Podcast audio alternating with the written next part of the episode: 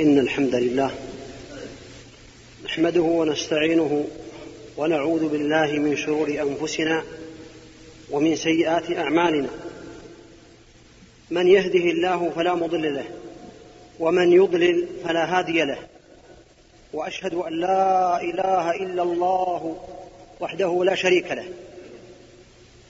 أرسل نبيه عليه الصلاة والسلام بالبينات الواضحات والمعجزات الباهرات التي قمعت الباطل وأظهرت الحق وأشهد أن محمدا عبده ورسوله صلى الله عليه وعلى آله وأصحابه وسلم تسليما كثيرا.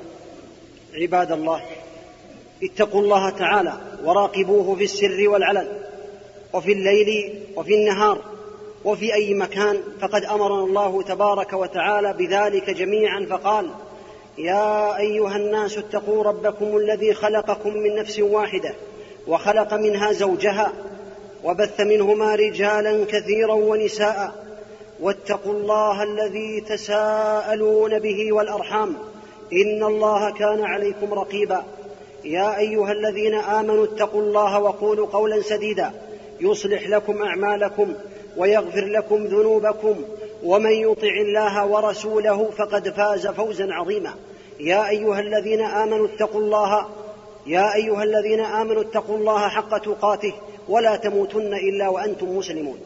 عباد الله إن الله عز وجل حينما يرسل أنبياءه عليهم الصلاة والسلام وآخرهم محمد صلى الله عليه وسلم لم يرسلهم عبثا وإنما أرسلهم بالبينات والدلائل القاطعات والمعجزات الباهرات التي تبين بأن الله عز وجل أرسلهم وأنهم مرسلون من عند الله تبارك وتعالى.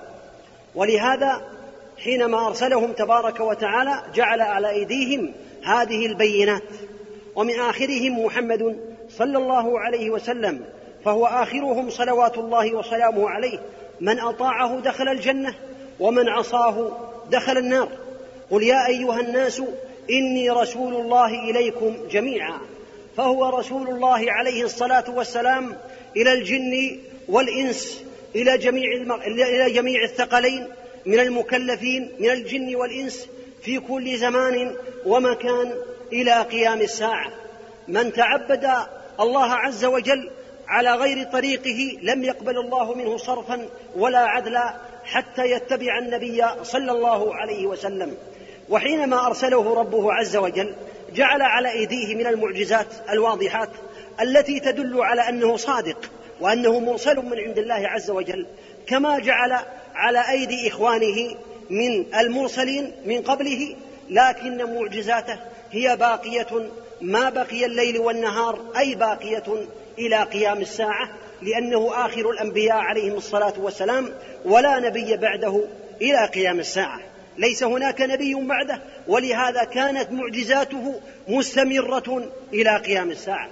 ومعجزاته عليه الصلاة والسلام ودلائله التي تبين بأنه نبي الله ورسول الله يستفيد الإنسان منها إن كان مؤمنا ازداد إيمانه بالله عز وجل ورسخ إيمانه وأحب النبي عليه الصلاة والسلام وإن كان كافرا أو منافقا فإنه إذا كان عاقلا فإنه يسلم ويشهد أن لا إله إلا الله وأن محمدا عبده ورسوله لأن هذا أو هذه البينات لا تأتي من طريق العفو وإنما يأتي بها الله عز وجل وإنما يأتي بها الله عز وجل عن طريق النبي عليه الصلاة والسلام. وهي على نوعين. نوع من معجزاته ودلائل صدقه نوع ثبت بالأخبار الصادقة. كما ثبتت معجزات عيسى موسى وعيسى عليهم الصلاة والسلام. ونوع لا يزال مستمر إلى قيام الساعة. نوع من معجزاته عليه الصلاة والسلام مستمر حتى قيام الساعة. وهذا النوع المستمر منه كلام الله عز وجل القرآن الكريم. ومنه دين الله الذي قام به العباد. ومنه الكرامات التي لا تزال تظهر على أيدي عباد الله الصالحين من أتباع محمد صلى الله عليه وسلم. ومنها ومن ذلك شريعته صلوات الله وسلامه عليه. ثم إن الله عز وجل جعل من أعظم دلائل صدقه هذا القرآن الكريم. القرآن الكريم من أعظم الدلائل البينات التي تدل على أن محمدا عليه الصلاة والسلام هو رسول الله صلى الله عليه وسلم. ولهذا حينما أرسل الله عز وجل الأنبياء يتحدون قومهم كانوا يتحدونهم بأشياء وجدت في عهدهم قد برع فيها أناس منهم. فهذا موسى عليه الصلاة والسلام بعث في قوم وفيهم فرعون وقومه كانوا قد اشتهروا بالسحر فكانوا هو من أعظم المعجزات عندهم. وليست معجزة وإنما هذه خرافات عندهم. وليس هناك أحد يستطيع أن يأتي بمثل هذه الخوارق. فبعث الله عليه فبعث الله تبارك وتعالى موسى صلى الله عليه وسلم بمعجزة أبطلت سحرهم وأبطلت خوارقهم. بعثه تبارك وتعالى بمعجزة من جنس عملهم لكنها ليست بسحر. فحينئذ ألقى العصا فألقى عصاه فإذا هو ثعبان مبين. ألقى العصا فكان الثعبان عظيم يلتهم سحرهم حبالهم وعصيهم فحينئذ الأشجار والأحجار التي سحروا بها أعين الناس فكانت هذه العصا ثعبان عظيم يلتقم هذه الأشياء أمام أعين الناس. هذه معجزة أي دلالة واضحة على أن موسى عليه الصلاة والسلام مرسل من ربه تبارك وتعالى.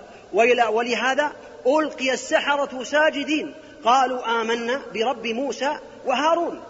آمنوا بالله عز وجل وسجدوا لله تبارك وتعالى لأنهم عندهم خبرة بأنه لا يبطل هذا السحر إلا إنسان قد أرسله الله عز وجل وقد أعطاه الله عز وجل من الدلائل الواضحات ومنها هذه العصا التي التقمت سحرهم. وأرسل الله عز وجل عيسى عليه الصلاة والسلام إلى أناس قد برعوا في الطب. كانوا يعني من أذكى الناس ومن أذكى الأطباء في عهدهم في عهد النصارى في عهد قوم موسى عيسى عليه الصلاة والسلام. فأرسله الله عز وجل وأعطاه دلائل واضحات يعني تغلبت على هذا الفن الذي قد برعوا فيه. فأرسله الله عز وجل يحيي الموتى ويبرئ الأكمه والأبرص ويخرج الموتى من قبورهم ويصنع من الطين كهيئة الطير فينفخ فيها فينفخ فيه فيكون طيرا وكل ذلك بإذن الله. كل ذلك بإذن الله عز وجل. ثم أرسل النبي عليه الصلاة والسلام محمد محمد صلى الله عليه وسلم فكان قومه قد برعوا في اللغة العربية. اللغة العربية الفصحى. بلغ فيها العرب مبلغا عظيما لم يبلغه غيرهم لأنهم يعني من العرب الذي أنزل القرآن بلغتهم. فأرسله الله عز وجل بآية عظيمة ودلالة عظيمة تعجزهم على أن يأتوا بمثل هذا القرآن العظيم. ولو كان من عند غير الله لوجدوا فيه اختلافا كثيرا. فحينئذ تحداهم الله عز وجل عن طريق النبي عليه الصلاة والسلام تحداهم جميعا الجن والإنس.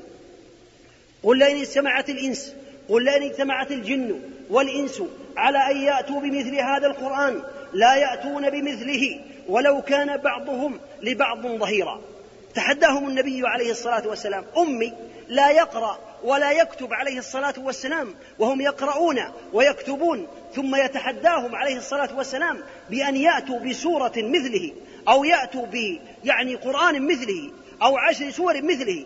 فتحداهم الله عز وجل بالقرآن الكريم أن يأتوا بمثله. إن كان عند الإنسان استطاعة يأتي بقرآن فعجزوا. فمد الله لهم الحبل ثم قال أم يقولون افتره قل فأتوا بعشر سور مثله مفتريات. وادعوا من استطعتم من دون الله إن كنتم صادقين. تحد ما دام عجزوا عن أن يأتوا بمثل هذا القرآن فعليهم أن يأتوا بعشر سور مثله. فعجزوا. فمد الله لهم في الحبل وقال أم يقولون افتراه؟ فليأتوا بسورة مثله. فليأتوا بسورة مثله. فحينئذ ما استطاعوا فأعاد الله عليهم التحدي كذلك في المدينة.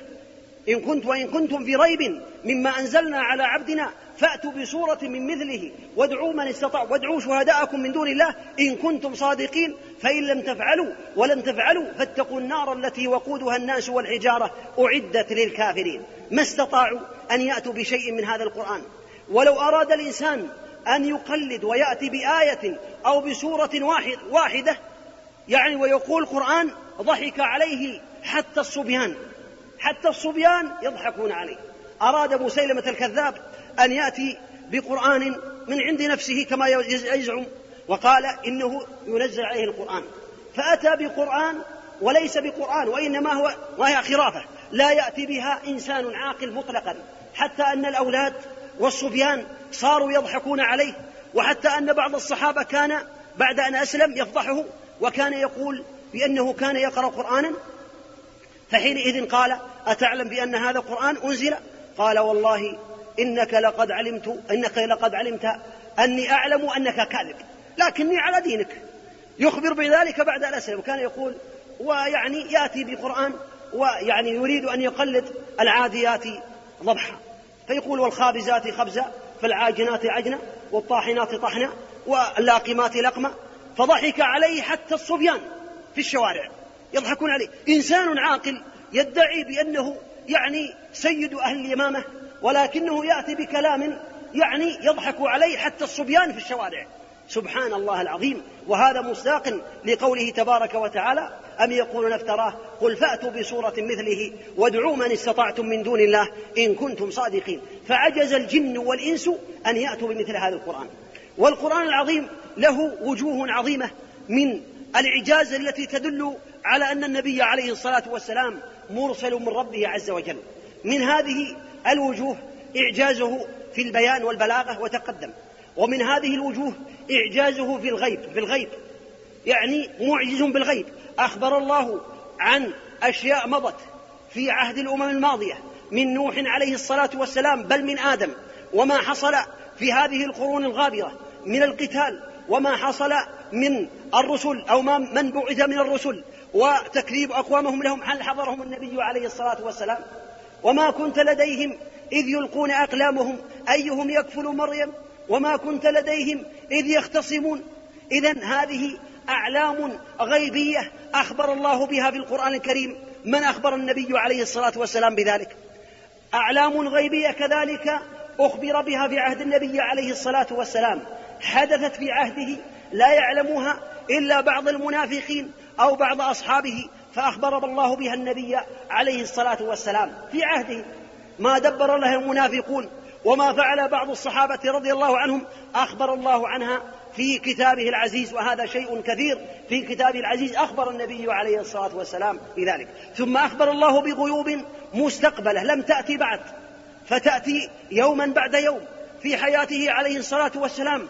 وبعد حياته إلى قيام الساعة تتوالى هذه الغيوب ولم يعلمها النبي عليه الصلاة والسلام ولم يشاهدها إلا بإخبار الله عز وجل له فدل ذلك على أن النبي عليه الصلاة والسلام مرسل من عند الله وأن من أطاعه فقد يعني سلك طريق النجاة وسلك طريق السعادة وسلك طريق الفوز في الدنيا والآخرة. ومن حاد عنه وقلد اليهود والنصارى والكفار والمشركين وترك سنته ورغب عنها فحينئذ دليل على ضعفه وعلى عدم تصديقه للنبي عليه الصلاة والسلام. وهذه الغيوب تستمر إلى قيام الساعة حتى يدخل الإنسان المسلم الجنة والنار. يدخل أخبر الله بالجنة وأخبر ما فيها من نعيم وأخبر بالنار وأخبر ما فيها من عذاب. بما فيها من عذاب الإنسان لم يراها ولكنه سيراها. إذا مات سيرى ذلك. كما رأى الأمور الغيبية التي أحدث بها أخبر بها النبي عليه الصلاة والسلام في هذه الأزمان سيرى ما بقي من هذه الغيوب مصداقا لقوله ومصداقا لإرسال النبي عليه الصلاة والسلام. هذه من بعض وجوه الإعجاز القرآن الكريم من إعجاز القرآن الكريم ودلائله على أن النبي عليه الصلاة والسلام من أصدق خلق الله إعجازه التشريعي. فالناس جميعا لو اجتمعوا على أن يأتوا بأنظمة للناس ويأتوا بأنظمة للبشرية لم يستطيعوا بنظام شامل لجميع نواحي الحياة أبدا مطلقا. وإنما ربما قرروا في هذا اليوم يعني قانونا أو قانونا وضعيا يصلح ليوم أو يومين بل لا يصلح ولا لساعة واحدة. وبعد يوم أو يومين ينقضون غدا ما بنوه في هذا اليوم. ويرجعون عن أقوالهم التي قرروها في هذا اليوم بالغد أو بعد الغد أو في الزمن القريب لأنهم لا يعرفون الأحوال. إنما يعرف الأحوال الذي خلق هذا الإنسان فهو جعل هذا النظام التشريعي في القرآن الكريم صالح لكل زمان ومكان في أي بقعة من الأرض إلى قيام الساعة لأنه أخبر عز وجل يعلم ما, يكان ما كان وما يكون وما كان وما لم يكن لو كان كيف يكون. الله عز وجل يعلم تبارك وتعالى كل شيء وعنده مفاتيح الغيب لا يعلمها إلا هو ويعلم ما في البر والبحر وما تسقط من ورقة إلا يعلمها ولا حبة في ظلمات الأرض ولا رطب ولا يابس إلا في كتاب مبين. إذا هو تبارك وتعالى الذي يعلم ذلك فهو وضع هذا القرآن الكريم تشريعا لأمة محمد عليه الصلاة والسلام والسنة كذلك تشرع هذا القرآن الكريم وتبينه. إذا هذه الشريعة الصالحة لكل زمان ومكان حفظت الإنسان دينه وعرضه وكذلك ماله ونفسه وغير ذلك من الأمور التي يعني يحتاجها حفظها الله عز وجل لهذا الإنسان عن طريق هذا التشريع. إعجاز القرآن كذلك له إعجاز دليل على أن النبي عليه الصلاة والسلام من أصدق خلق الله وهو ما يسمى في هذه الأزمان بالإعجاز العلمي أو إعجاز القرآن العلمي. أخبر الله عز وجل بأشياء في الحيوان وبأشياء في الإنسان وبأشياء في الجان وبالأشياء في النبات وبالأشياء في الحشرات وفي السماء وفي الأرض وفي البحار وفي الجبال وطلع في القرآن الكريم أشياء وحينئذ اكتشفت في هذه الأزمان بأن القرآن قد حدد ذلك من قبل أن يعرفوا هؤلاء الناس أو يعرف هؤلاء الناس هذه العلوم وهذا دليل على أن النبي عليه الصلاة والسلام مرسل من عند الله من أخبر النبي عليه الصلاة والسلام قبل 1413 عاما بهذا إنه الله تبارك وتعالى. فالمسلم عليه أن يرضى بالله ربا وبالإسلام دينا وبمحمد رسولا صلى الله عليه وسلم يلتزم أوامره ويبتعد عن نواهيه ويقتدي بسنته حتى يكون عبدا صالحا ربانيا. ولا يكون عبدا شيطانيا لأن من اتبع النبي عليه الصلاة والسلام وفقه الله وسدد خطاه ويسر أمره في الدنيا والآخرة أسأل الله عز وجل بأسمائه الحسنى وصفاته العليا أن يجعلني وإياكم من الذين يستمعون القول فيتبعون أحسنه إنه ولي ذلك والقادر عليه. أقول قولي هذا وأستغفر الله العظيم لي ولكم ولسائر المسلمين من كل ذنب فاستغفروه إنه هو الغفور الرحيم. والعاقبة للمتقين وأشهد أن لا إله إلا الله وحده لا شريك له وأشهد أن محمدا عبده ورسوله صلى الله عليه وعلى آله وأصحابه وسلم تسليما كثيرا. عباد الله إن الإنسان حينما يستمع إلى هذه الدلائل الواضحات وهذه المعجزات الباهرات ليس معنى ذلك أنه لم يكن مسلما حتى يسلم ويعرف النبي عليه الصلاة والسلام لكن ليزداد إيمانه. إن كان مسلما والحمد لله كحالتنا فالحمد لله. وإن نقلها المسلم إلى الكفار وكانوا عقلاء فإنهم حينئذ لا يسعهم لا يسعهم إلا أن يشهدوا أن لا إله إلا الله وأن محمدا رسول الله لأنه مرسل من عند الله وأتى بما لم يستطع أن يأتي به بشر. والمعجزة هي أن يأتي الإنسان بشيء لا يستطيعه الأولون والآخرون وهذا مقرون بدعوى النبوة فهذا هو للأنبياء عليهم الصلاة والسلام. وإن كان هذا الشيء إذا أتى بمعجزة لا يستطيعه أحد من الناس ويعجز الناس عن ذلك وهو من الصالحين وليس من الأنبياء فهذا هذه يقال لها كرامة. كرامة من كرامات عباد الله الصالحين كما حدث حدث ذلك لبعض عباد الله عز وجل. وهذا يعني من علامات أو من كرامات الصالحين وهي من علامات صدق النبي عليه الصلاة والسلام. فإن كان هذا الخارق على يد رجل فاسق أو مجرم فحينئذ لا ينظر إلى ذلك. لا ينظر إلى ذلك وإنما ذلك سحر. وإن كان هذا الخارق ظهر على يد رجل مجهول الحال لا يعرف حاله هل هو من الصالحين أو من الطالحين؟ فينظر في أمره يتوقف الإنسان المسلم عن أمره حتى يعرض أمره على الكتاب والسنة. فإن وافق أمره الكتاب فإن وافق أمره الكتاب والسنة فحينئذ يحكم بأن هذا من كرامات الأولياء من كرامات الأولياء. وإن لم يوافق الكتاب فحينئذ لا ينظر إلى ذلك ولا يضرب إلى ذلك حسابا حتى يعرف الناس بعض ما يفعله بعض المشعوذين. ولهذا يذكر عن الإمام الشافعي يقول لو رأيتم الرجل يمشي في الهوى ويسير على الماء فلا تصدقوه حتى تعرضوا أمره على الكتاب والسنة. لو رأينا إنسان يمشي في الهواء يسير على قدميه في الهواء أو يمشي على البحر في على قدميه ويقول أنا عندي كذا وكذا وأنا من الصالحين وهذه كرامة لا نصدقه أبدا. حتى ننظر إلى سيرته وإلى أعماله. هل أعماله توافق أمر النبي عليه الصلاة والسلام؟ إذا فهو من الصالحين. ثم إن المعجزات التي بعث بها النبي عليه الصلاة والسلام لتصديقه وللدلالة على أنه رسول الله عليه الصلاة والسلام منها معنوي كالقرآن الكريم ومنها حسي يشاهده الناس بأم أعينهم يرونه والناس ينظرون إليه عليه الصلاة والسلام يتحداهم ويقول أنا رسول الله عليه الصلاة والسلام ويأتي بأشياء لم تخطر لهم بالحسبان ولا يستطيع أحد أن يعملها. وهذه معجزات كثيرة وأقتصر في هذه الخطبة على ثلاثة أنواع منها. النوع الأول المعجزات العلوية. معجزات علوية ليست في الأرض وإنما هي علوية. ومن هذا انشقاق القمر. القمر انشق في عهده عليه الصلاة والسلام. تحداه الكفار. تحدى الكفار. بل دعاهم إلى الإسلام. فقالوا إن شققت القمر نصفين في السماء فنشهد أنك رسول الله وسنسلم ونتابعك على ما جئت على ما جئت به. فحينئذ سأل الله عز وجل أن يشق القمر نصفين فشق الله القمر نصفين حتى كان جبل حراء بين الفلقتين. جبل حراء في مكة جبل عظيم. يرون فلقة في جهة وفلقة أخرى في جهة أخرى. انشق القمر فكان فلقتين في السماء. فدعاهم إلى الإسلام فقالوا ننظر إذا قدم أهل الشام وأهل اليمن فإن رأوه علمنا بأن هذا صحيح وأن هذا قد عم وأنه صحيح وإن لم يروه فهذا قد سحر أعيننا.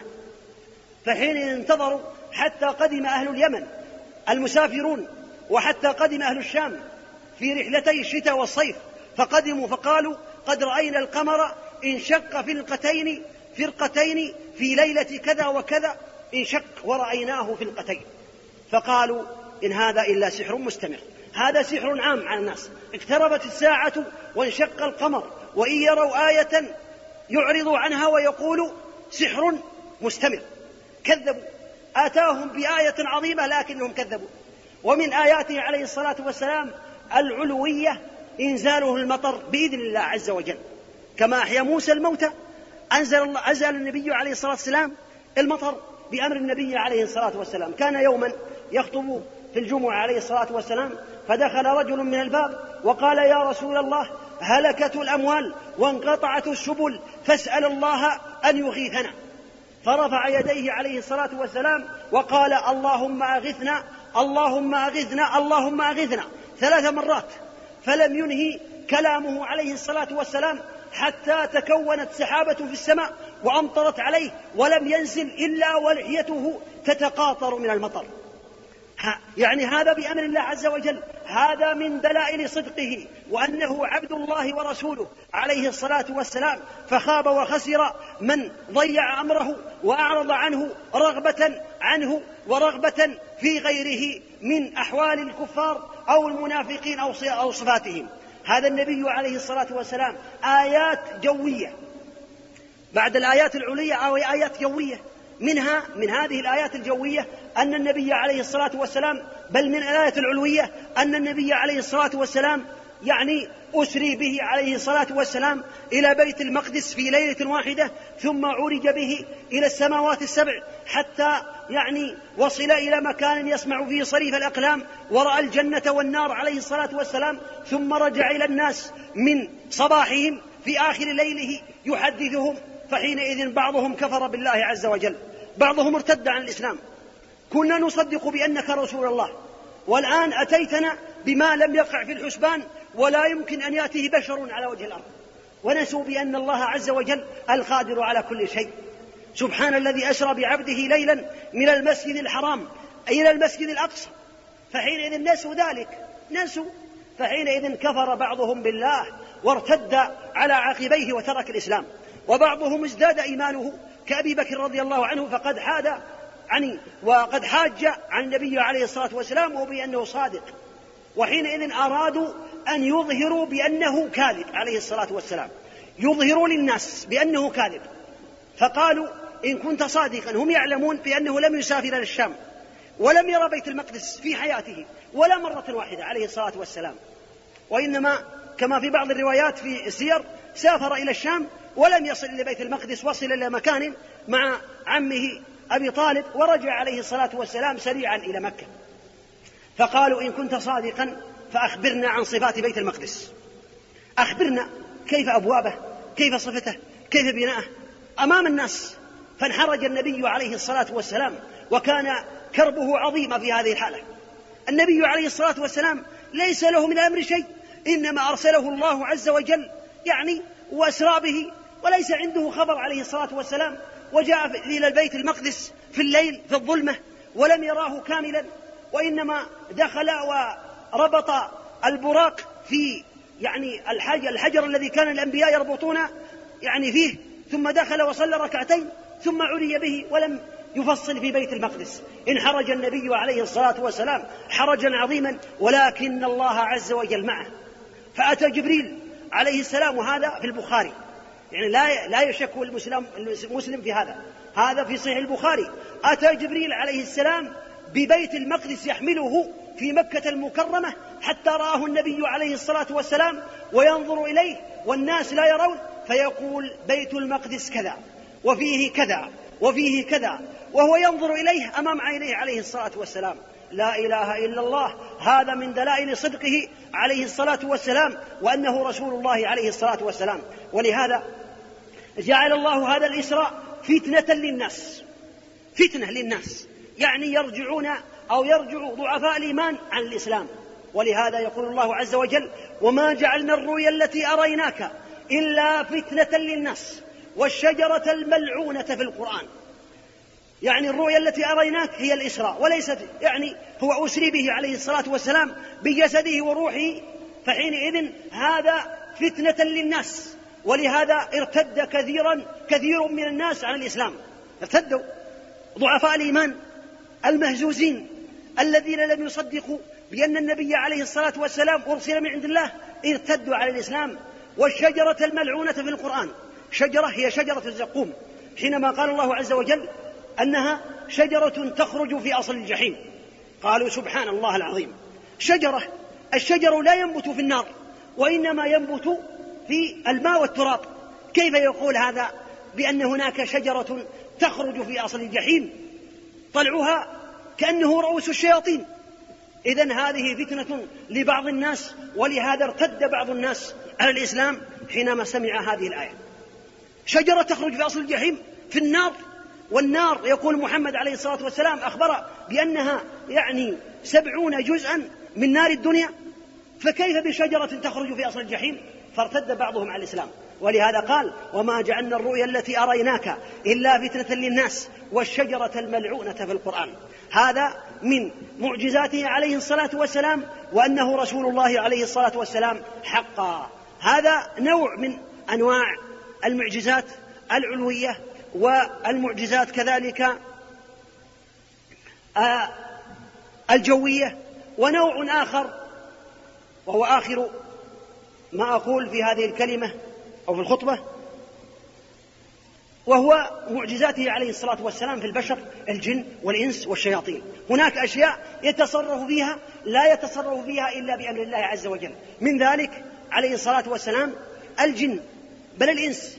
علي بن طالب رضي الله عنه كان قد أصابه الرمد في عينه فدعاه النبي عليه الصلاة والسلام فبصق في عينه فبرئت بإذن الله عز وجل. في الحال فورا. وكان سلمة بن الأكوع رضي الله عنه قد أصيب في رجله بضربات في غزوة خيبر وكان ضربة عظيمة فنفذ فيها النبي عليه الصلاة والسلام. فبرئ بإذن الله عز وجل ولم يشتكيها إلى يوم القيامة لم يشتكيها حتى مات رضي الله عنه. كذلك عبد الله بن عتيك رضي الله عنه كان قد انكسر وأتى إلى النبي عليه الصلاة والسلام مكسورا. فحينئذ دعا له النبي عليه الصلاة والسلام ومسح على ساقه فرجعت فورا. رجل أتى إليه عليه الصلاة والسلام كما يذكر في معركة أحد يحمل عينه في كفه.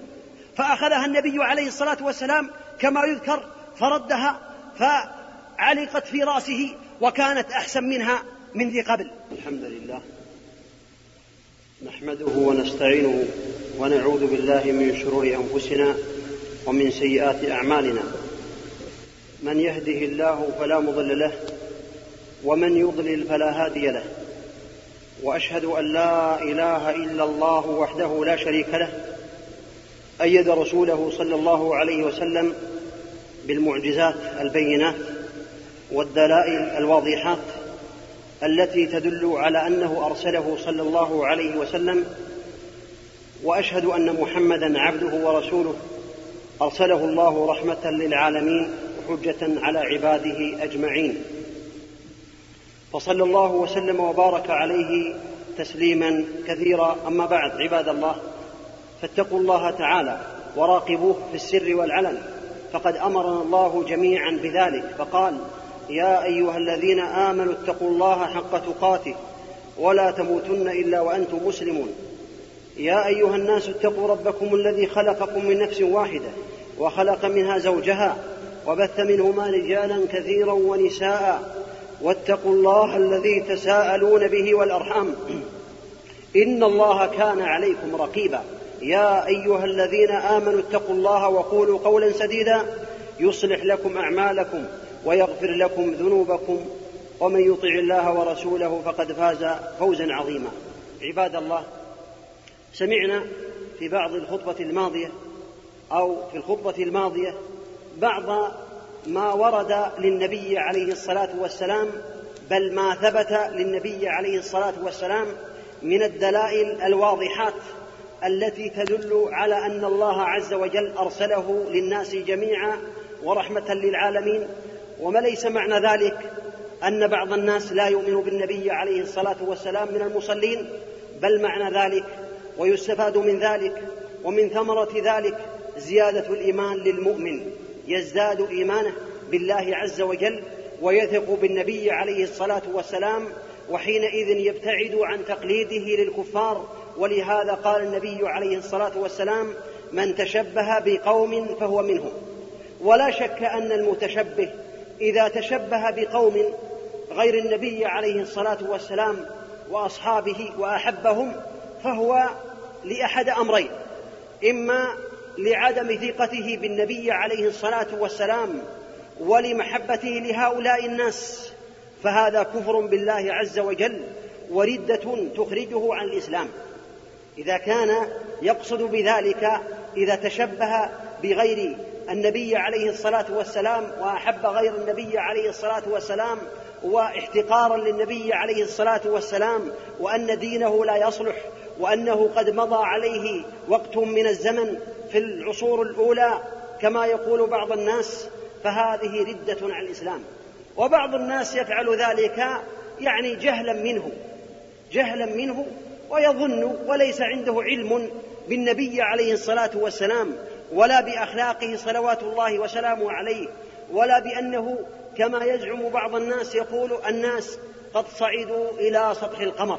النبي عليه الصلاة والسلام قد صعد إلى أعلى السماوات إلى فوق السماوات السبع فوق السماء السابعة إلى مكان لم يصله جبريل ولم يصله أحد من الملائكة وصل إلى مكان سمع فيه صريف الأقلام وصل بروحه وجسده عليه الصلاة والسلام وجميع حواسه عليه الصلاة والسلام. إلى هذا المكان العظيم. اذا ينبغي للإنسان أن يقتدي بالنبي عليه الصلاة والسلام ويعتز ويتشرف بأنه من أتباع النبي عليه الصلاة والسلام. اكمالا لما سمعتم فيما مضى من دلائل صدقه عليه الصلاة والسلام قد سخر الله عز وجل له من ينصره تبارك وتعالى عليه الصلاة والسلام. من ذلك الريح وهي من معجزاته الدالة على صدقه وأنه رسول الله عليه الصلاة والسلام. كما بين الله عز وجل يا أيها الذين آمنوا اذكروا نعمة الله عليكم. لا تتكلم يا أخي. يعني فضلا الإنسان إذا كان يستمع الخطبة لا يتكلم يقول النبي عليه الصلاة والسلام من لغى فلا جمعة له من مس الحصى فقد لغى ومن لغى فلا جمعة له. كون بعض الناس يكلم زملائه بجانب هذا ليس من الأدب أولا. وثانيا بل قبل ذلك ليس من شرع النبي عليه الصلاة والسلام قد قال قد خالف أمر النبي صلوات الله وسلامه عليه. الله عز وجل يقول يا أيها الذين آمنوا اذكروا نعمة الله عليكم اذكروا نعمة الله عليكم. ثم بين الله عز وجل إذ جاءتكم جنود إذ جاءتكم جنود فأرسلنا عليهم ريحا وجنودا لم تروها. وكان الله بما تعملون بصيرا. إذ جاءوكم من فوقكم ومن أسفل منكم وإذ زاغت الأبصار وبلغت القلوب الحناجر وتظنون بالله الظنون. هنالك ابتلي المؤمنون وزلزلوا زلزالا شديدا. إذا الله عز وجل يمتن على النبي يمتن على المؤمنين بأن الله عز وجل نصرهم بالريح. نصر النبي عليه الصلاة والسلام بالريح. المعروفة. فالنبي عليه الصلاة والسلام في السنة الخامسة على الأصح كان النبي عليه الصلاة والسلام قد تحزب عليه الناس ليخرجوه من المدينة وليقضوا عليه وأصحابه رضي الله عنهم وصلى الله وسلم عليه. تجمعوا عليه. فحينئذ أتى اليهود من خيبر وقدموا إلى مكة يستعينون بالمشركين على النبي عليه الصلاة والسلام ويدعونهم إلى حرب النبي صلوات الله وسلامه عليه. فخرج من مكة ما يقارب من مكة ما يقارب عشرة آلاف. عشرة آلاف تحزبوا على النبي عليه الصلاة والسلام. وأهل الطائف وأهل الحجاز جميعا تحزبوا على النبي عليه الصلاة والسلام. والأعراب واليهود خارج المدينة في خيبر وبنو قريظة داخل المدينة والمنافقون داخل المدينة. تحزبوا على النبي عليه الصلاة والسلام وأرادوا أن يكونوا جميعا كتلة واحدة يقضوا على النبي عليه الصلاة والسلام هو أصحابه ويلتهموهم جميعا في ساعة واحدة. تحزبوا جميع الناس. والله عز وجل ناصرا عبده صلوات الله وسلامه عليه. أتوا إلى المدينة وحاصروها وبلغ النبي عليه الصلاة والسلام الخبر أن هال عليه البشر من جميع النواحي. يعني من البادية من مكة من الحجاز من خيبر من داخل المدينة المنافقون وبنو قريظة في المدينة كذلك. إذا حفر النبي عليه الصلاة والسلام الخندق في شرقي المدينة لأن هذا الخندق يحول بين الكفار أهل مكة وبين أهل المدينة. وجعل النبي عليه الصلاة والسلام جبل سلع إلى ظهره عليه الصلاة والسلام. وجاء الناس جميع البشر الموجودون أي الكفار والمنافقون اليهود والمشركون جاءوا إلى قتل النبي عليه الصلاة والسلام ويعني القضاء عليه وعلى أصحابه جميعا. فحينئذ بقي النبي عليه الصلاة والسلام وحاصروا النبي صلوات الله وسلامه عليه حتى أصابهم الجوع والظمأ صلوات الله وسلامه عليه ورضي الله عن أصحابه أجمعين. فحينئذ نصره الله عز وجل بدون قتال ولم يحصل قتال. اللهم إلا ما حصل من بعض المشركين كعمرو بن ود حينما كعمرو بن ود حينما اقتفز الخندق وكان من أشجع الناس في الجاهلية. كان من أشجع الناس لكن هذه الشجاعة وهذه البطولة لم تنفعه. وإنما قدم له النبي عليه الصلاة والسلام رجلا صغيرا من الصحابة صغير في جسمه كبير في إيمانه وبمحبته لله عز وجل وللنبي عليه الصلاة والسلام فقتله. حينئذ لم يحصل قتال وأصاب النبي عليه الصلاة والسلام التعب والظمأ والجوع وأصاب الصحابة رضي الله عنهم الخوف كما سمعنا في الآية وبلغت القلوب الحناجر وتظنون بالله الظنون. يعني بعض الناس ربما ظن أن النبي عليه الصلاة والسلام سيقضى عليه وعلى من معه جميعا. فحينئذ أرسل الله الجنود من عنده. أرسل الله جنودا وأرسل الله ريحا. أرسل الله الريح في آخر الليل والناس في هجعة النوم. فقلعت خيامهم وكفأت قدورهم حتى أن ربما الجمل يسقط من الريح. وهي على الكفار وليست على النبي عليه الصلاة والسلام. حتى قام أبو سفيان وركب الجمل وهو بارك. معقولا وقام الجمل معقولا ولم يطلق العقال إلا وأبو سفيان رضي الله عنه لأنه أسلم بعد ذلك. وأبو سفيان على الجمل معقولا فانهزموا جميعا عشرة ألاف ومن معهم من جميعا انهزموا هزمهم الله عز وجل بهذه الريح. يا أيها الذين آمنوا اذكروا نعمة الله عليكم. إذ جاءتكم جنود إذ جاءتكم جنود فأرسلنا عليهم ريحا وجنودا لم تروها هناك جنود مع الريح. إذن هذه من معجزات النبي عليه الصلاة والسلام الدالة على أنه رسول الله عليه الصلاة والسلام وأن من أطاعه دخل الجنة ومن عصاه دخل النار صلوات الله وسلامه عليه. من دلائل صدقه عليه الصلاة والسلام أن الله عز وجل سخر له الأشجار وسخر له الثمار وسخر له حتى الخشب. مسخر للنبي عليه الصلاة والسلام ويرى الناس ذلك. ليس معنى ذلك الخضوع. لا يرى الناس هذا التسخير. فمن ذلك تسخير الأشجار له عليه الصلاة والسلام. كان النبي عليه الصلاة والسلام في سفر. كما في سنن الدارمي بإسناد صحيح كان في سفر صلوات الله وسلامه عليه. ولا شك أن أصحابه كانوا معه عليه الصلاة والسلام. لا يسافر إلا مع أصحابه صلوات الله وسلامه عليه. فأتى إليه أعرابي فدعاه النبي عليه الصلاة والسلام إلى الإسلام. دعاه إلى الإسلام. فهذا الإعرابي هذا الأعرابي لم يرى النبي عليه الصلاة والسلام رجلا أمامه ولا الصحابة كذلك. ولهذا البادية في الغالب من بدا جفا فهو يرى الصحابة ويرى النبي عليه الصلاة والسلام لا قيمة للجميع عنده. فحينئذ قال ومن يشهد لك على ذلك؟ يعني لم يقل هل يشهد لك الصحابة أو غير ذلك وإن قال ومن يشهد لك على ذلك كأنه لا يرى أحدا أمامه. فقال النبي عليه الصلاة والسلام تشهد لهذه السلمة. والسلمة شجرة من شجر البادية. فدعاها النبي عليه الصلاة والسلام وهي بعيد عنه فأتت تخد الأرض خدا حتى وقفت أمامه. فشهدت له عليه الصلاة والسلام ثلاثا وهذا الرجل يسمع كلامها فحينئذ قال أشهد أن لا إله إلا الله وأشهد أنك رسول الله.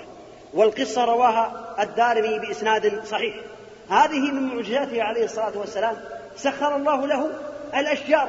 كذلك كان النبي عليه الصلاة والسلام في برية في صحراء عليه الصلاة والسلام وكان إذا أراد أن يقضي حاجته لأنه بشر صلوات الله وسلامه عليه يأكل ويشرب ويفعل كما يفعل البشر. إلا ما خص الله خصه الله عز وجل به من صفات النبوة.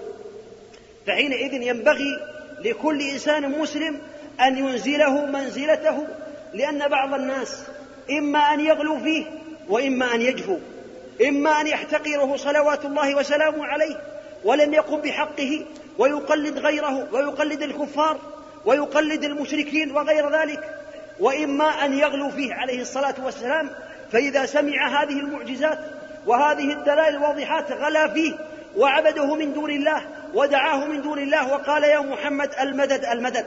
هذا جذع جماد وبعض الناس له قلب من لحم ودم ولكنه لا يحب النبي عليه الصلاة والسلام الحب الكامل كما قال النبي عليه الصلاة والسلام لا يؤمن أحدكم حتى أكون أحب إليه من ولده ووالده والناس أجمعين. رواه البخاري ومسلم. لا يؤمن الإيمان الكامل وإن كان مؤمنا إيمانه ضعيف فلا يبلغ هذه الدرجة إلا إذا أحب النبي عليه الصلاة والسلام أكثر من أهله ونفسه ووالده والناس أجمعين. وهذا كلامه عليه الصلاة والسلام. هذه المعجزات أو هذه الدلائل الواضحات تدل على أن النبي عليه الصلاة والسلام هو أفضل خلق الله صلوات الله وسلامه عليه. الجبال والأحجار والتراب خضعت بل ذلت بل أرسلها الله عز وجل وأمرها أن تنقاد للنبي عليه الصلاة والسلام لكي يصدقه الناس. لكي يصدقه الناس سواء كانوا من العرب أو من العجم أو من غيرهم. هذه آيات دلالات.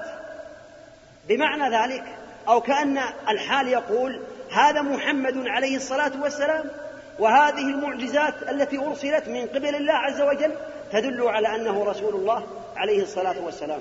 من ذلك أنه كان عليه الصلاة والسلام كما ثبت البخاري على جبل أحد وكان معه أبو بكر رضي الله عنه وعمر وعثمان فاهتز الجبل جبل عظيم من أكبر الجبال في المدينة اهتز وصار له حركة ورجفة عظيمة فحركه النبي عليه الصلاة والسلام وضربه برجله وقال اثبت. أصدر أوامره عليه الصلاة والسلام. قال اثبت أحد. فإنما عليك نبي وصديق وشهيدان. وشهيدان.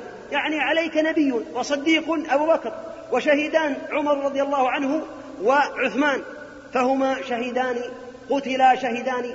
هذا يدل دلالة واضحة. حتى الجبال تمتثل أمر النبي عليه الصلاة والسلام. وبعض الناس لا يمتثل أمر النبي صلوات الله وسلامه عليه. يسمع بأن النبي عليه الصلاة والسلام حرم كذا وأمر بكذا ونهى عن كذا وأوجب كذا ولكنه معرض الجبال جبل عظيم. قال اثبت. كلمة واحدة فثبت الجبل ولم يتحرك. وهذا دليل على أنه رسول الله عليه الصلاة والسلام وأنه أفضل من خلق الله من المخلوقات من جميع المخلوقات. لا جن ولا إنس ولا ملائكة جميع المخلوقات أفضل من خلق الله عز وجل من وقت ما خلق آدم إلى قيام الساعة هو محمد رسول الله عليه الصلاة والسلام. وهذا فخر لنا وشرف لنا وعز لنا لأننا من أتباعه صلوات الله وسلامه عليه. فالمؤمن يعتز بعض الناس حينما يتبع النبي عليه الصلاة والسلام في بعض السنن يرخي رأسه إن كان بلحية أو بتقصير الثوب أو بغير ذلك من يعني السنن التي يحبها الله عز وجل وأمر بها النبي عليه الصلاة والسلام ربما يرخي رأسه إذا كان مع المجرمين أو مع المنافقين وربما وقع في الجريمة ومخالفة النبي عليه الصلاة والسلام الناس تقدموا. ويترك النبي عليه الصلاة والسلام الذي هو أفضل خلق الله صلوات الله وسلامه عليه. من ذلك أنه عليه الصلاة والسلام قد كان الحجر الحجارة تحبه وتسلم عليه. هذا الحديث الذي مضى في البخاري والحديث الثاني في مسلم. كان النبي عليه الصلاة والسلام يقول عليه الصلاة والسلام إني لأعرف حجرا كان يسلم علي في مكة قبل أن أبعث قبل أن يرسل النبي عليه الصلاة والسلام يعرف حجرا من حجارة مكة من الحجارة الجمادات. يأتي إلى النبي عليه الصلاة والسلام ويقول السلام عليك يا رسول الله. عليه الصلاة والسلام. قال إني لا أعرف حجرا كان يسلم علي وأنا في مكة قبل أن أبعث. تسخير كذلك التراب تراب الأرض حتى التراب ليست الحجارة. فقد سخر الله له التراب في معركة بدر وفي حنين كذلك حينما دهم القوم النبي عليه الصلاة والسلام وأصحابه أخذ كفا من حصى كما في البخاري في بدر وكذلك في حنين. هذه القصة قصة أو هذه الحادثة حدثت له مرتين مرة في بدر ومرة في حنين. فأخذ ترابا من تراب الأرض وقال شاهت الوجوه ورمى به القوم. قال فوالله ما خلق الله منهم إنسانا إلا وملأ الله عينيه ترابا. في بدر كانوا ما يقارب يعني ألف بل أكثر من ألف تقريبا. فملأ الله أعين الجميع ترابا. كل واحد منهم أعطاه الله ملء عينيه من التراب من قبضة واحدة من يد النبي عليه الصلاة والسلام وكذلك في حنين. وهذا يدل على أنه عليه الصلاة والسلام من أفضل خلق الله وأن من ترك سنته وترك هديه وترك دينه فقد خاب وضل وخسر في الدنيا والآخرة. أسأل الله عز وجل أن يجعلني وإياكم من أتباعه المخلصين الصادقين. إنه ولي ذلك والقادر عليه. أقول قولي هذا وأستغفر الله العظيم لي ولكم ولسائر المسلمين من كل ذنب. فاستغفروه إنه هو الغفور الرحيم. الظالمين والعاقبة للمتقين. وأشهد أن لا إله إلا الله وحده لا شريك له. وأشهد أن محمدا عبده ورسوله. صلى الله عليه وعلى آله وأصحابه وسلم تسليما كثيرا. عباد الله إن الله تبارك وتعالى أمرنا بطاعته ونهانا عن معصيته وأمرنا باتباع النبي عليه الصلاة والسلام ونهانا عن التشبه بالكفار والمشركين والمنافقين وغيرهم من أعداء الله عز وجل. وهذه المعجزات تزيد في الإيمان كما سمعنا وتثمر تصديق النبي عليه الصلاة والسلام ومحبته صلوات الله وسلامه عليه فينبغي للإنسان أن يطلع على سيرة النبي عليه الصلاة والسلام ومعجزاته فإن الإنسان الجاهل هو في الحقيقة عدو ما يجهل. فإذا كان يعرف الكفار ويعرف تقدمه تقدمهم ويعرف ما بلغوا إليه أو ما وصلوا إليه من آه، الأمور الدنيوية ولا يعرف أخلاق النبي عليه الصلاة والسلام ولا يعرف ما أعطاه الله من القوة والعزة والتمكين ولله العزة ولرسوله وللمؤمنين ولكن المنافقين لا يعلمون فحينئذ لا يعرف عن النبي عليه الصلاة والسلام شيئا فربما يبغضه وربما يتركه لأنه لا يعرفه عليه الصلاة والسلام. فمن عرف النبي عليه الصلاة والسلام أخلاقه ومعجزاته وأحواله عليه الصلاة والسلام أحبه لأنه عليه الصلاة والسلام قد أحبه الحجر والشجر وغير ذلك من المخلوقات لأن الله عز وجل قد سخر هذه المخلوقات لهذا النبي عليه الصلاة والسلام تصديقا له صلوات الله وسلامه عليه. من معجزاته صلوات الله وسلامه عليه أن الله سخر له من ذلك الماء فكان الماء ينبوع من بين أصابعه صلوات الله وسلامه عليه. سخر الله له الماء فكان النبي عليه الصلاة والسلام يفعل ذلك وزيادة الماء حصلت مرات كثيرة. مرات لا يقال مرة ولا مرتين ولا ثلاث كما ذكر ذلك البخاري في صحيحه ومسلم كذلك. يعني روايات كثيرة تدل على أن هذا قد تكرر من النبي عليه الصلاة والسلام مرات كثيرة. ولكني أذكر منها حادثتين. الأولى ما حدث له عليه الصلاة والسلام في الحديبية.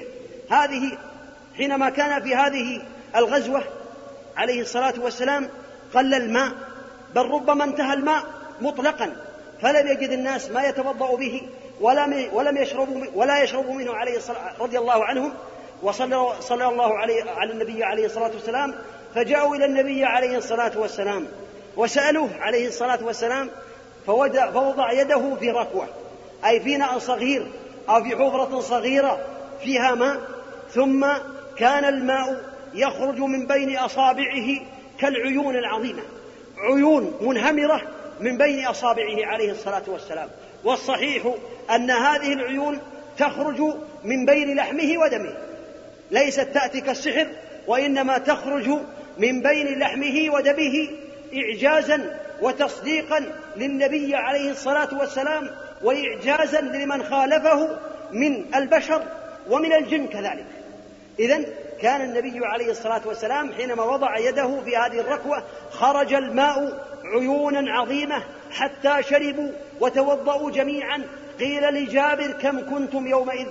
قال كنا قال لو كنا مئة ألف لكفانا. كنا خمسة عشر ألف. كنا خمسة عشرة مئة. يعني ألف وخمسمائة يعني هذه في غزوة الحديبية. يعني شربوا وتوضأوا وبقي الماء كما هو.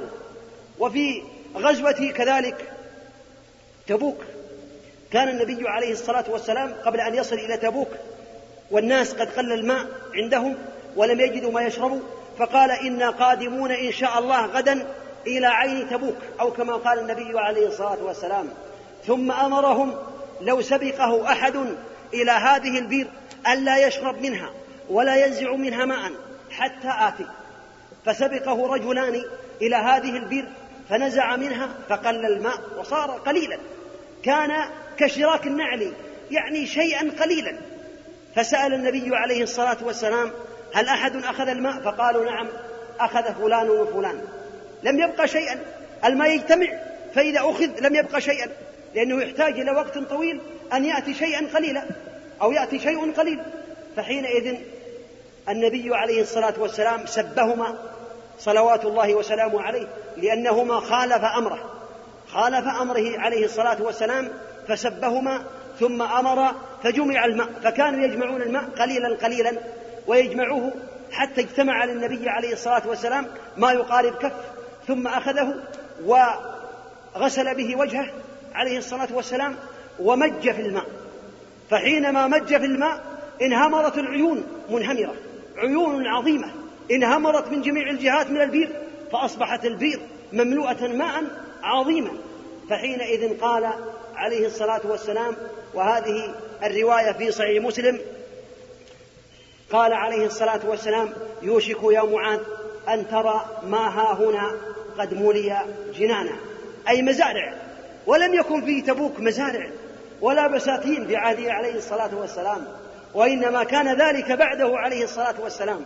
وكانت المزارع في تبوك تأتي بعده, بعده عليه الصلاة والسلام كلما مرت العصور ازدادت المزارع. إلى الوقت الآن فالمزارع في تبوك الآن هي أكثر منها قبل عشر سنوات. من يعرف تبوك يعرف هذا. وهذه معجزة أخرى. معجزة الحمد لله. نحمده ونستعينه ونعوذ بالله من شرور أنفسنا ومن سيئات أعمالنا. من يهده الله فلا مضل له ومن يضلل فلا هادي له. وأشهد أن لا إله إلا الله وحده لا شريك له. أرسل رسوله بالهدى ودين الحق ليظهره على الدين كله ولو كره المشركون.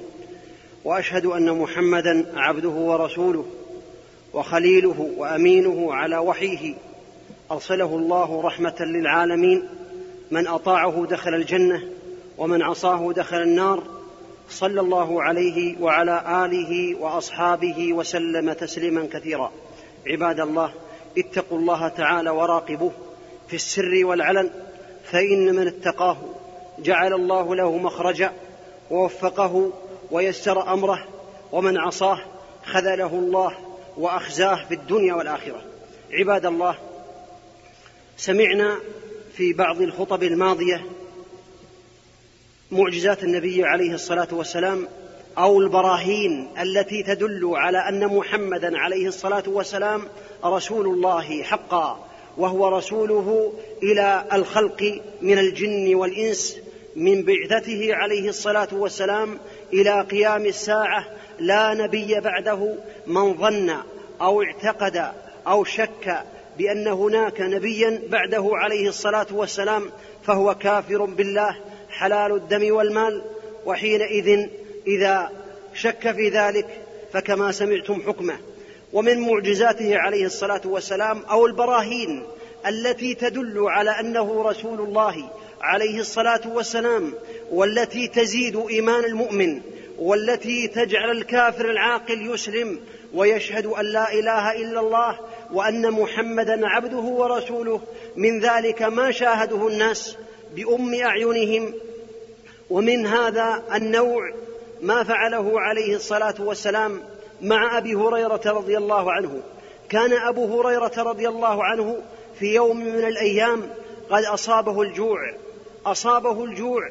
كان الصحابة رضي الله عنهم يصيبهم الجوع ويصيبهم الظمأ والفقر فحينئذ في يوم من الأيام أصاب أبا هريرة رضي الله عنه الجوع حتى كان يتمرغ في الطرقات لا يجد من يطعمه طعاما.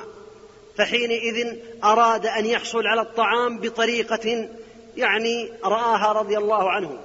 فتعرض لأبي بكر رضي الله عنه يسأله سؤالا يستفتيه فتوى يقول أنا لست أريد الفتوى وإنما أريده لعله يطعمني أو يدعوني. قال فتعرضت له فأفتاني ولم يقل شيئا ولم يطعمني شيئا. يعني ما علم رضي الله عنه. لو علم أبو بكر رضي الله عنه لأطعمه ولا أعطاه لكنه لا يدري. قال ثم تعرضت لعمر ففعلت كذلك ففعل عمر كما فعل أبو بكر رضي الله عنهما. قال فتعرضت للنبي عليه الصلاة والسلام وما بي إلا الجوع.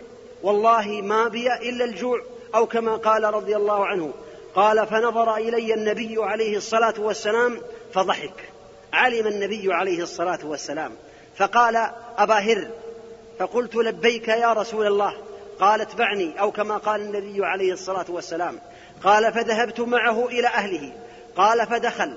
وحينما دخل وجد لبنا يعني شيئا قليلا من اللبن فسأل عنه فقال أهدي فقالوا أهدي لك أو كما قال أهله رضي الله عنه فقال أبا هر فقلت لبيك يا رسول الله أو كما قال النبي عليه الصلاة والسلام قال اذهب فادعوا الأنصار ادعوا أصحاب الصفة. وأصحاب الصفة أضياف الإسلام من أضياف الإسلام الذين يأوون إلى النبي عليه الصلاة والسلام ويسكنون في المسجد وهم أمة كثيرة قال فعلمت أني سآتي بأصحاب الصفة ثم يأمرني النبي عليه الصلاة والسلام بأن أدور عليهم باللبن وماذا يبقى من هذا اللبن القليل.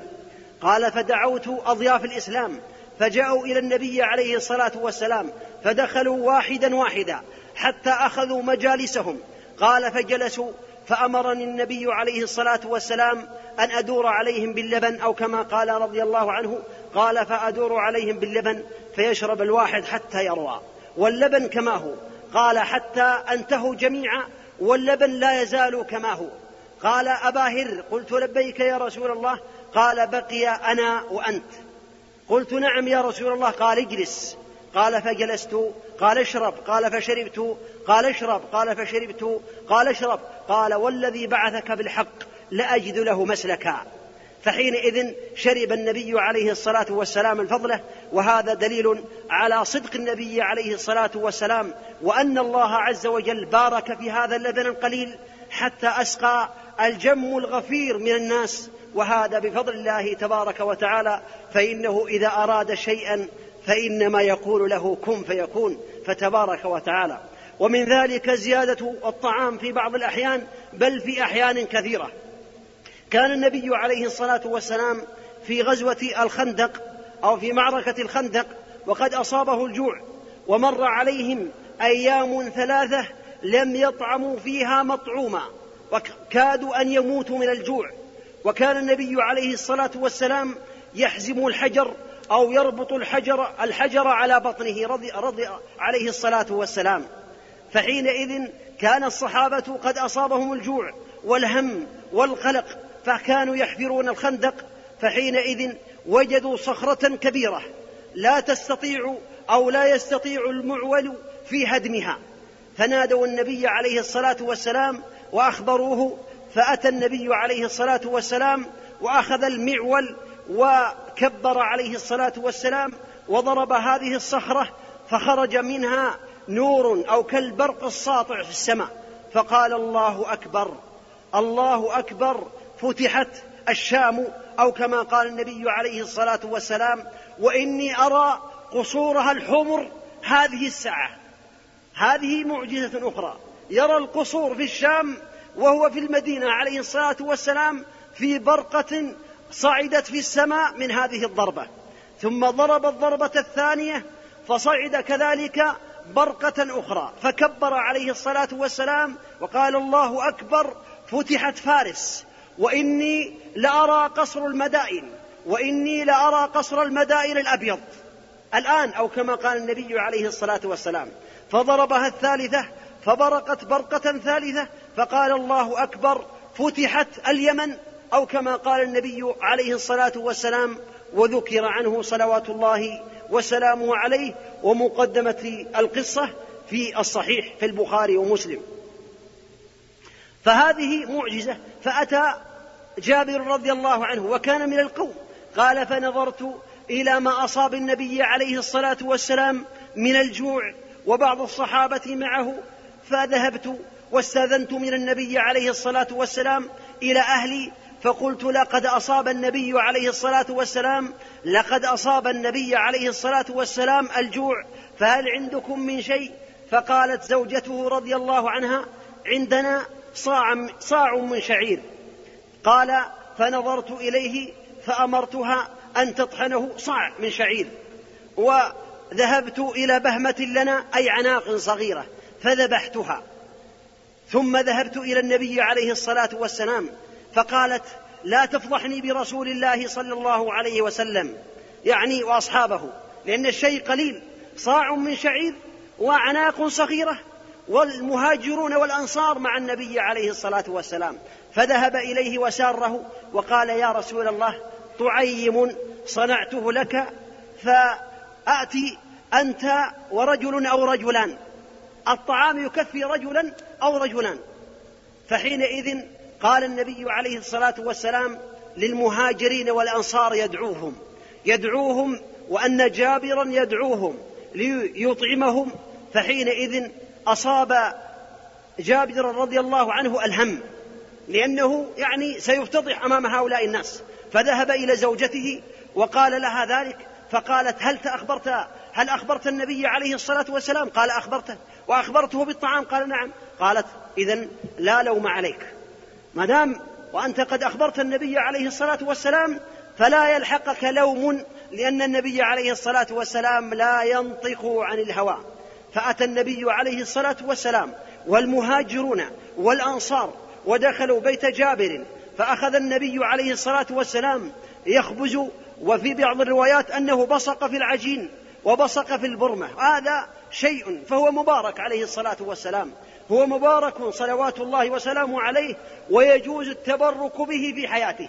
أما بعد موته فلا يتبرك به إلا شيء بقي من جسده كشعره عليه الصلاة والسلام فقد ثبت أنه كان مع بعض الصحابة ومع بعض أزواجه أما التبرك بقبره والتبرك بمواقعه فلم يرد ذلك عنه عليه الصلاة والسلام ولو كان ذلك سنة أو مباركا لفعله الصحابة بعده رضي الله عنهم.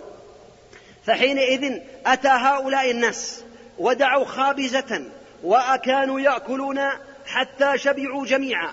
قال جابر فأقسم بالله أنهم كانوا ألف كانوا ألف من البشر فأكلوا حتى انحرهوا يعني حتى انصرفوا وإن برمتنا لتغط كما هي وعجينتنا كما هي ما نقصت ما نقصت شيئا.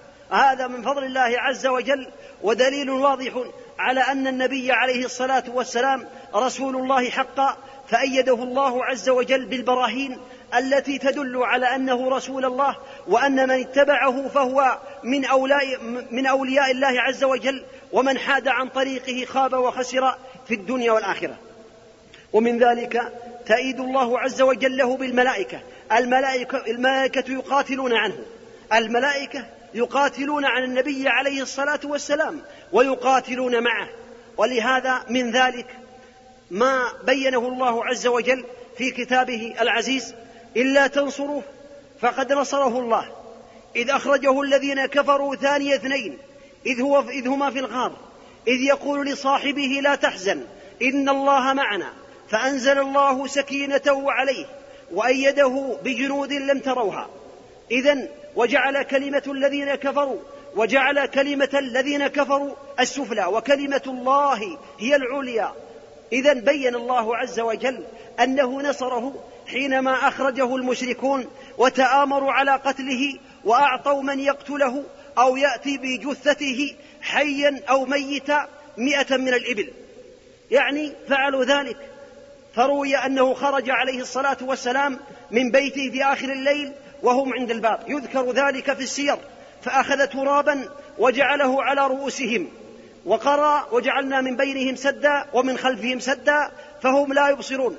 يثر التراب على رؤوسهم وحينما أصبحوا وجدوا التراب على رؤوسهم فأخذوا ينفضونه عن رؤوسهم وخابوا وخسروا وعلموا بأن النبي عليه الصلاة والسلام قد نصره الله. فذهب إلى الغار وبقي فيه ثلاثة أيام ولحقه المشركون وكانوا يمرون على الغار فيقول أبو بكر رضي الله عنه يا رسول الله لو نظر أحدهم لو نظر أحدهم تحت قدميه لرآنا؟ فقال النبي عليه الصلاة والسلام يا أبا بكر ما ظنك باثنين الله ثالثهما؟ ما ظنك باثنين؟ الله عز وجل ثالثهما بتوفيقه ونصرته وإعانته وتسديده.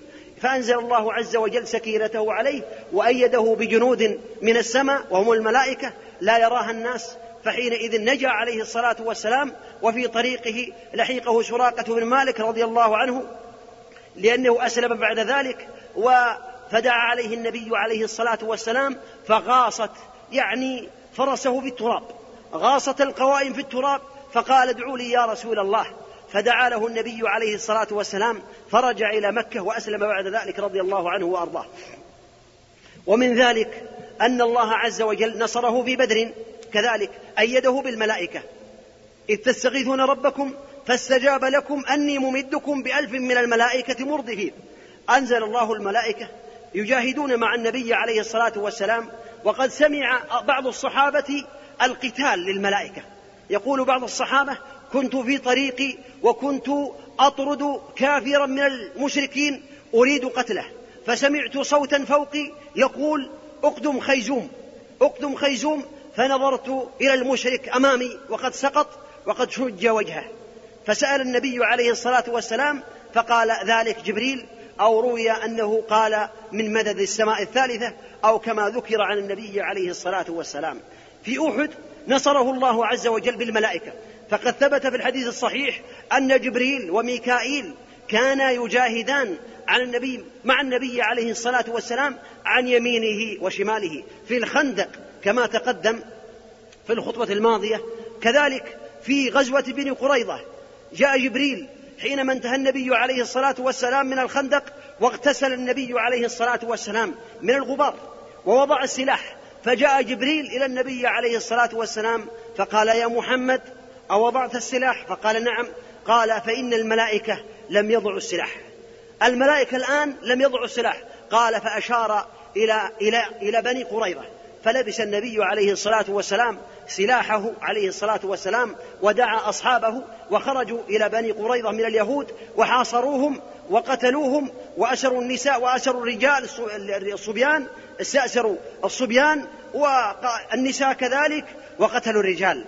الملائكة كانوا يقاتلون مع النبي عليه الصلاة والسلام في مواطن كثيرة. في حنين قاتل الملائكة مع النبي عليه الصلاة والسلام. لقد نصركم الله في مواطن كثيرة. ويوم حنين إذ أعجبتكم كثرتكم فلم تغن عنكم شيئا وضاقت عليكم الأرض بما رحبت ثم وليتم مدبرين فأنزل ثم أنزل الله سكينته على رسوله وعلى المؤمنين وعذب الذين كفروا وذلك جزاء الكافرين. إذا الملائكة جاهدوا مع النبي عليه الصلاة والسلام حينما هزم بعض الصحابة في أول المعركة ولم يهزموا ولكنهم يعني قابلوا ما لا طاقة لهم به. أهل الطائف قد تجمعوا وتحصنوا بالجبال والحجارة والكهوف وهؤلاء بعضهم يعني حديث عهد بالإسلام. فوجدوا هذا القتال العظيم وجدوا النبال والسلاح تأتي إليهم ولا يدرون بعض عن بعض هذه الطلقات من أين تأتيهم؟ من الجبال من الصخور من من الكهوف. فهربوا ولكنهم تراجعوا وعادوا الكرة مرة أخرى وغلبوا بإذن الله عز وجل. فبين الله عز وجل بأنه الذي نصر المؤمنين. وهذا مصداق ودليل وبرهان على أن محمدا عليه الصلاة والسلام هو رسول الله حقا. فمن أطاعه وفقه الله ومن عصاه خذله الله في الدنيا والآخرة. من هذه البراهين التي تدل على صدقه عليه الصلاة والسلام وأنه رسول الله حقا ما جعله الله عز وجل له من الحماية. حماه الله. حماه الله من كل شر. يا أيها الرسول بلغ ما أنزل إليك. بلغ ما أنزل إليك. أمره أن يبلغ ما أنزل الله إليه وبين بأنه معصوم من الناس. والله بلغ ما أنزل إليك من ربك. وإن لم تفعل فما بلغت رسالته. والله يعصمك من الناس معصوم من الناس. عصمه الله من المشركين أرادوا قتله وهو رجل واحد عليه الصلاة والسلام ولم يستطيعوا أن يصلوا إليه بجمعهم ولا بجنودهم ولا بسلاحهم ولا بتدبيرهم ما استطاعوا إلى ذلك سبيلا. وهو نفر واحد عليه الصلاة والسلام أول ما دعاهم إلى الإسلام لم يستطيع أحد أن يقتله. وكم حاول المشركون وكم حاول اليهود وكم حاول النصارى وكم حاول جميع البشر من الأمة الكافرة اغتيال النبي عليه الصلاة والسلام. لكن الله حماه لكن الله عز وجل حماه ومنعه من هؤلاء. والله يعصمك من الناس. وقال الله عز وجل فاصدع بما تؤمر وأعرض عن المشركين إنا كفيناك المستهزئين. وقال عن اليهود فسيكفيكهم الله اذا كفاه الله عز وجل. ومن ذلك أن رجلا كان مع النبي عليه الصلاة والسلام كما في صحيح مسلم يكتب له الوحي. وكان قد حفظ البقرة وآل عمران على يد النبي عليه الصلاة والسلام. حفظ البقرة وآل عمران على يد النبي عليه الصلاة والسلام وسمع هاتين السورتين من فم رسول الله صلى الله عليه وسلم ثم بعد ذلك ارتد على عقبيه وكفر ورجع إلى النصرانية. فحينما رجع إلى النصرانية قال ما علم محمد إلا ما كتبت له. أنا كنت كاتب للنبي عليه الصلاة والسلام. فهذا القرآن الذي عند محمد أنا الذي كتبته له. ما عنده شيء. أنا الذي فعلت ذلك له. لا يكتب ولا يقرأ. فحينئذ بعد ذلك مات.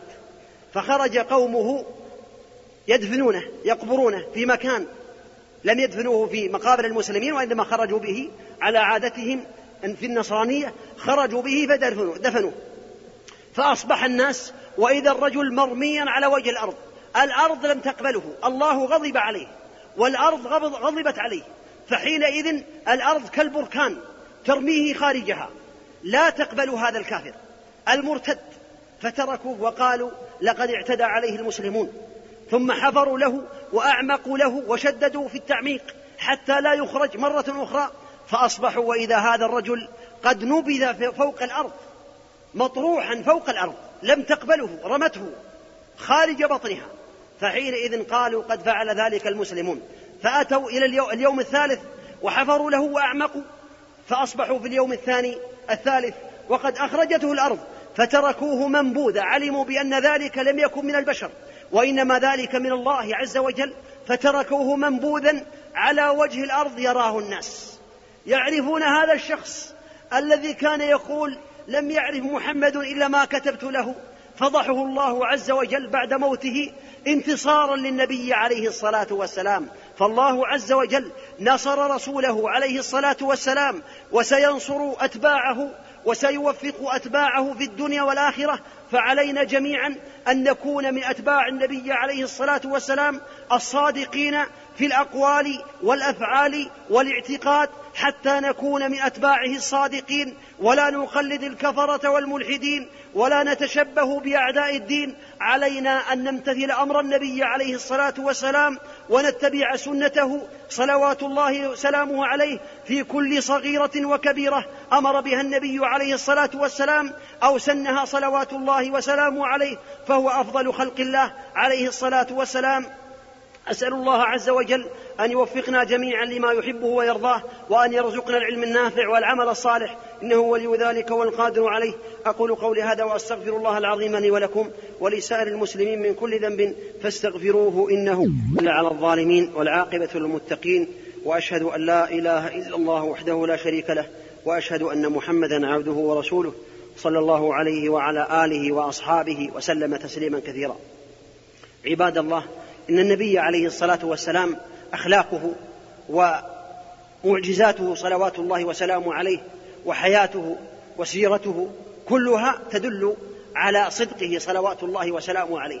حتى من نظر إلى وجهه علم بأنه ليس بكذاب. كان عبد الله بن سلام رضي الله عنه وأرضاه من اليهود فحينما قدم النبي عليه الصلاة والسلام أتى إليه ليقابله وينظر إليه. قال فحينما نظرت إليه علمت أن وجهه أو رأيت أن وجهه ليس بوجه كذاب يعرف وجه الكذابين. قال علمت بأن وجهه ليس بوجه كذاب وكان من أول ما سمعته يقول يا أيها الناس أفشوا السلام وأطعموا الطعام وصلوا بالليل والناس نيام وصلوا الأرحام تدخلوا الجنة بسلام. قال علمت فالشاهد من ذلك قول عبد الله رضي الله عنه قال علمت بأن وجهه ليس بوجه كذاب فهو عليه الصلاة والسلام أخلاقه وتصرفاته وسيرته صلوات الله وسلامه عليه تدل على أنه رسول الله وتدل على أن من أعرض عن طريقه وسنته وأحب غيره فقد أضله الله نسأل الله العافية في الدنيا والآخرة. ومن ذلك استجابة دعائه صلوات الله وسلامه عليه فقد استجاب الله عز وجل دعاءه في مواطن كثيرة. ومنها أنه عليه الصلاة والسلام دعا على الكافرين دعا على المشركين دعا أدعية كثيرة استجاب الله له في يعني هذه الدعوات وكانت الإجابة تتحقق كما يرى الإنسان الشمس في رابعة النهار. إذا دعا عليه الصلاة والسلام انتهى الأمر وقع وقعت دعوته صلوات الله وسلامه عليه. إذا دعا لقوم بالنصر والتوفيق نصرهم الله. إذا دعا على قوم بالذل والخذلان خذلهم الله عز وجل لأنه رسول الله عليه الصلاة والسلام. من ذلك أنه عليه الصلاة والسلام في يوم من الأيام دعا لأنس بن مالك رضي الله عنه وأرضاه. أتت أمه أم سلمة رضي الله عنها بأنس رضي الله عنه بن مالك إلى النبي عليه الصلاة والسلام فقالت يا رسول الله خويدمك يعني خادمك الصغير ادعوا له. فقال النبي عليه الصلاة والسلام اللهم أكثر ماله وولده وبارك له فيما أعطيته وأطل حياته واغفر له. دعوات عظيمة كلها تحققت. اللهم اللهم أكثر ماله وولده وبارك له فيما أعطيته وأطل حياته واغفر له. خمس دعوات دعا بها النبي عليه الصلاة والسلام دعا بها النبي عليه الصلاة والسلام ورآها الناس كلها. رآها الناس كلها تحققت. فقد أطال الله عمره حتى كان من آخر الصحابة موتى كان من آخر الصحابة رضي الله عنه موتى أنس بن مالك رضي الله عنه. قال فقد أطال الله عمري. يقول أنس رضي الله عنه. وأكثر مالي. وكان ماله رضي الله عنه من ماله أن له بستان أو بستانين. كان له بستانين في المدينة. وكان هذا البستان يثمر في السنة مرتين. البستان يثمر في السنة الواحدة مرة لكن لاستجابة النبي عليه الصلاة والسلام كان هذا البستان يثمر مرتين في السنة وهذا ثابت في الحديث الصحيح. يثمر مرتين والناس تثمر ثمارهم مرة واحدة في العام الواحد. وهذا مصداق لدعوة النبي عليه الصلاة والسلام واستجابة لدعوة النبي عليه الصلاة والسلام. أما عمره فقد أطاله الله. أما أولاده وذريته فقال وإن أولادي ليتعادون الآن أكثر من المئة. يعني الأحياء. الأحياء مئة. هذا في البخاري ومسلم. لا يتعادون الآن فوق المئة. أو كما قال رضي الله عنه. وأخبرتني وأخبرتني ابنتي أمينة. يقول أخبرتني كأنه لا يعرف ذريته. بعض الذرية لا يعرفهم رضي الله عنه. وهذه الرواية الأخيرة في مسلم. قال وأخبرتني ابنتي أمينة أن أنه دفن لصلب من الصلب مقدم الحجاج البصرة بضع وعشرون ومئة. قد مات من صلبه بضع وعشرون ومئة. يعني مئة وثلاثون مئة وأقل من الثلاثين. إما ثلاث وعشرون أو سبع وعشرون أو خمس وعشرون هذا البضع البضع ثلاث وعشرون أو ست سبع وعشرون أو الأعداد الفرد الأعداد المزدوجة الأعداد الفردية. قال وأخبرتني ابنتي ميمونة أنه دفن لصلبه بضع وسبعون ومئة مقدم الحجاج البصرة وهذا رواه مسلم. فمعنى ذلك يقول إن ذريتي الآن فوق المئة وقد مات من ذريتي كما أخبرتني ابنتي ميمونة أمينة فوق المئة والعشرين. هذا أمر عظيم. وكان له بستان الذي سمعتموه قال كان يخرج منه ريحان يخرج منه ريح المسك. هذا استجابة لدعوة النبي عليه الصلاة والسلام. فقد أجاب الله عليه الصلاة والسلام دعواته صلوات الله وسلامه عليه في مواطن كثيرة. من ذلك أنه عليه الصلاة والسلام جاء إليه أبو هريرة كما في صحيح مسلم. جاء إليه أبو هريرة رضي الله عنه وقد دعا أمه إلى الإسلام. أم أبو هريرة كافرة. يدعوها إلى الإسلام فتسب النبي عليه الصلاة والسلام تسب النبي عليه الصلاة والسلام. فأتى أبو هريرة رضي الله عنه إلى النبي عليه الصلاة والسلام وقال يا رسول الله أمي دعوتها إلى الإسلام فسمعت منها كلاما فيك. يعني سارت تسب النبي عليه الصلاة والسلام سبا وشتما عظيما أثر على أبي هريرة رضي الله عنه تأثيرا عظيما حتى بكى لحبه النبي عليه الصلاة والسلام. فأتى إلى النبي عليه الصلاة والسلام وقال ادعو الله أن يهدي أمي. ادعو الله أن يهدي أمي. فقال اللهم اهدي أمي أبي هريرة. دعوة واحدة. اللهم اهد أمي أبي هريرة.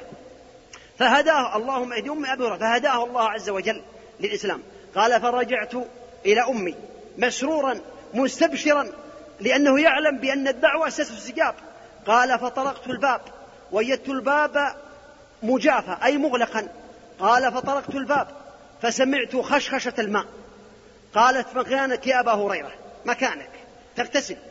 قال ثم فتحت الباب وحينما فتحت الباب قالت أشهد أن لا إله إلا الله وأشهد أن محمدا رسول الله صلى الله عليه وسلم. قبل أن يقول لها ولا كلمة واحدة استجابة لدعوة النبي عليه الصلاة والسلام.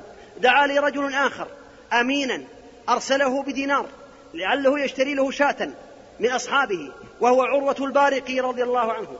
عروة البارقي أرسله النبي عليه الصلاة والسلام ليشتري له شاة بدينار. فذهب فاشترى شاتين اشترى شاة بدينار كما أمره النبي عليه الصلاة والسلام. وحينما اشترى الشاة أراد أن يبيعها بأغلى. فباع الشاة بدينارين ثم اشترى بالدينارين بكل دينار شاة. فأتى النبي عليه فأتى إلى النبي عليه الصلاة والسلام بشاة بشاة ودينارة.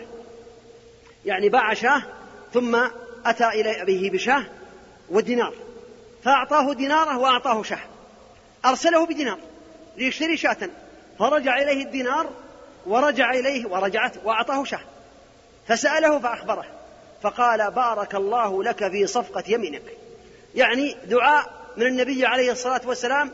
قال الراوي فلقد رأيته يبيع في الكوفة فيربح أربعين ألفا قبل أن يرجع إلى بيته. يخرج في الصباح ويبيع في السوق ويربح أربعين ألفا قبل أن يرجع إلى البيت.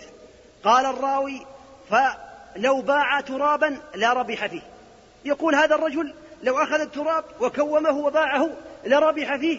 لدعوة النبي عليه الصلاة والسلام. دعوات كثيرة استجاب الله عز وجل للنبي عليه الصلاة والسلام فيها لأنه رسول الله حقا التي بني عليها المسجد أو يكون قد أعد له عليه الصلاة والسلام. الله أعلم بذلك والحديث في البخاري. كان النبي عليه الصلاة والسلام يخطب على هذا الجذع فقيل له ألا تتخذ منبرا؟ فاتخذ النبي عليه الصلاة والسلام منبرا من ثلاث درجات. صنعت له صنعته له امرأة إنصارية. وأول جمعة صعد إليه النبي عليه الصلاة والسلام أي صعد على هذا المنبر وارتقى هذا المنبر حصل في المسجد أمر عظيم. كان الناس قد استغربوه. هذا الجذع الذي كان يخطب النبي عليه الصلاة والسلام وهو جماد صار يحن حنين العشار ويصيح صياح الصبي. يصيح حتى يعني ملأ المسجد صياحا. والناس حتى في بعض الروايات التي رويت أن الناس أخذوا يبكون. رأوا الجذع يصيح ويحن كحنين العشار أي الناقة. فنزل النبي عليه الصلاة والسلام من على منبره مسرعا إلى هذا الجذع وضم عليه الصلاة والسلام حتى سكن. وفي بعض الروايات أنه قال لو لم أسكنه أو لو لم أضمه لبقي يحن إلى يوم القيامة. في بعض روايات البخاري أنه يحن لأنه علم أن النبي عليه الصلاة والسلام انتقل منه فهو قد فارقه. كان يذكر الله عز وجل عليه ويقرأ الآيات القرآنية على هذا الجذع فحينئذ علم بأنها النبي عليه الصلاة والسلام علم بأن النبي عليه الصلاة والسلام انتقل منه ولا عودة له مرة أخرى فصار يصيح ويحن حنين الناقة ويصيح صياح الصبي فنزل النبي عليه الصلاة والسلام إليه وضم فسكن وهذا حديث صحيح رواه البخاري في صحيحه. كان الحسن رحمه الله إذا حدث بهذا الحديث يقول عجبا هذا جدع جماد يحب النبي عليه الصلاة والسلام ويشتاق إلى ملاقاة النبي عليه الصلاة والسلام ومقابلة النبي صلوات الله وسلامه عليه ونحن لا نشتاق إلى ملاقاته وإلى ولا إلى قربه ولا إلى يعني اتباع سنته عليه الصلاة والسلام. هذا جذع جماد. وبعض الناس له قلب من لحم ودم ولكنه لا يحب النبي عليه الصلاة والسلام الحب الكامل كما قال النبي عليه الصلاة والسلام لا يؤمن أحدكم حتى أكون أحب إليه من ولده ووالده والناس أجمعين. رواه البخاري ومسلم. لا يؤمن الإيمان الكامل وإن كان مؤمنا إيمانه ضعيف فلا يبلغ هذه الدرجة إلا إذا أحب النبي عليه الصلاة والسلام أكثر من أهله ونفسه ووالده والناس أجمعين. وهذا كلامه عليه الصلاة والسلام. هذه المعجزات أو هذه الدلائل الواضحات تدل على أن النبي عليه الصلاة والسلام هو أفضل خلق الله صلوات الله وسلامه عليه. الجبال والأحجار والتراب خضعت بل ذلت بل أرسلها الله عز وجل وأمرها أن تنقاد للنبي عليه الصلاة والسلام لكي يصدقه الناس. لكي يصدقه الناس سواء كانوا من العرب أو من العجم أو من غيرهم. هذه آيات دلالات.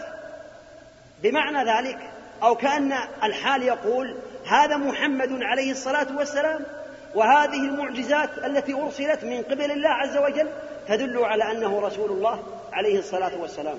من ذلك أنه كان عليه الصلاة والسلام كما ثبت البخاري على جبل أحد وكان معه أبو بكر رضي الله عنه وعمر وعثمان فاهتز الجبل جبل عظيم من أكبر الجبال في المدينة اهتز وصار له حركة ورجفة عظيمة فحركه النبي عليه الصلاة والسلام وضربه برجله وقال اثبت أصدر أوامره عليه الصلاة والسلام قال اثبت أحد فإنما عليك نبي وصديق وشهيدان. وشهيدان. يعني عليك نبي وصديق أبو بكر. وشهيدان عمر رضي الله عنه وعثمان. فهما شهيدان قتلا شهيدان. هذا يدل دلالة واضحة. حتى الجبال تمتثل أمر النبي عليه الصلاة والسلام. وبعض الناس لا يمتثل أمر النبي صلوات الله وسلامه عليه. يسمع بأن النبي عليه الصلاة والسلام حرم كذا وأمر بكذا ونهى عن كذا وأوجب كذا. ولكنه معرض الجبال جبل عظيم. قال اثبت كلمة واحدة فثبت الجبل ولم يتحرك. وهذا دليل على أنه رسول الله عليه الصلاة والسلام وأنه أفضل من خلق الله من المخلوقات من جميع المخلوقات. لا جن ولا إنس ولا ملائكة جميع المخلوقات أفضل من خلق الله عز وجل من وقت ما خلق آدم إلى قيام الساعة هو محمد رسول الله عليه الصلاة والسلام. وهذا فخر لنا وشرف لنا وعز لنا لأننا من أتباعه صلوات الله وسلامه عليه. فالمؤمن يعتز بعض الناس حينما يتبع النبي عليه الصلاة والسلام في بعض السنن يرخي رأسه إن كان بلحية أو بتقصير الثوب أو بغير ذلك من يعني السنن التي يحبها الله عز وجل وأمر بها النبي عليه الصلاة والسلام ربما يرخي رأسه إذا كان مع المجرمين أو مع المنافقين وربما وقع في الجريمة ومخالفة النبي عليه الصلاة والسلام الناس تقدموا.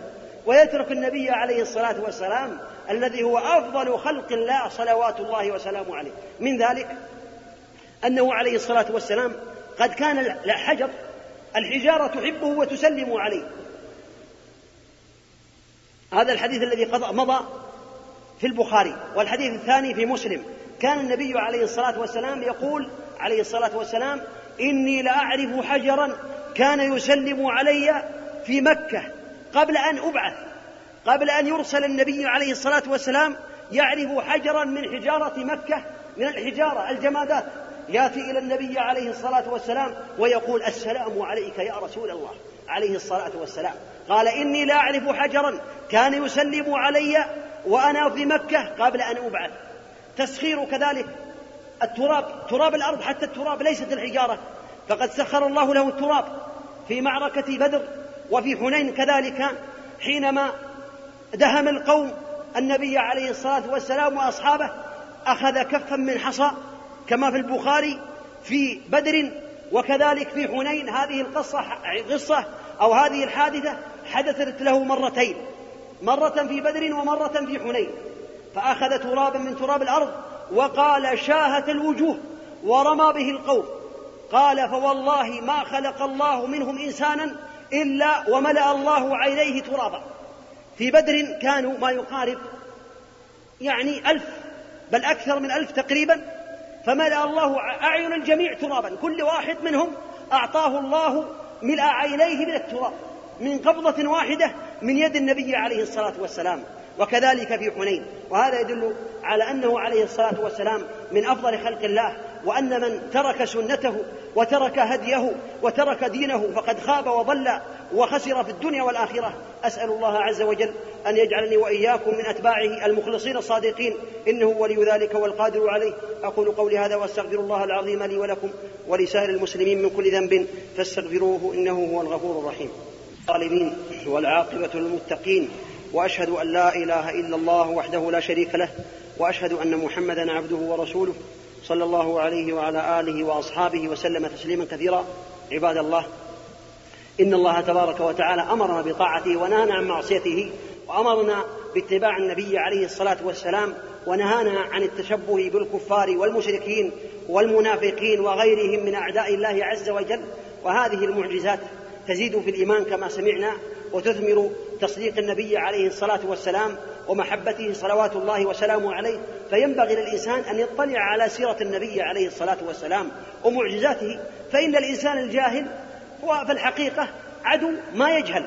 فإذا كان يعرف الكفار ويعرف تقدمه تقدمهم ويعرف ما بلغوا إليه أو ما وصلوا إليه من آه، الأمور الدنيوية ولا يعرف أخلاق النبي عليه الصلاة والسلام ولا يعرف ما أعطاه الله من القوة والعزة والتمكين ولله العزة ولرسوله وللمؤمنين ولكن المنافقين لا يعلمون فحينئذ لا يعرف عن النبي عليه الصلاة والسلام شيئا فربما يبغضه وربما يتركه لأنه لا يعرفه عليه الصلاة والسلام.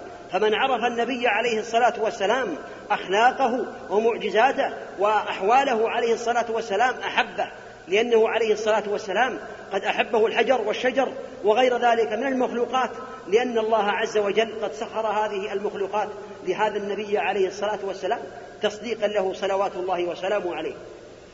من معجزاته صلوات الله وسلامه عليه أن الله سخر له من ذلك الماء فكان الماء ينبوع من بين أصابعه صلوات الله وسلامه عليه.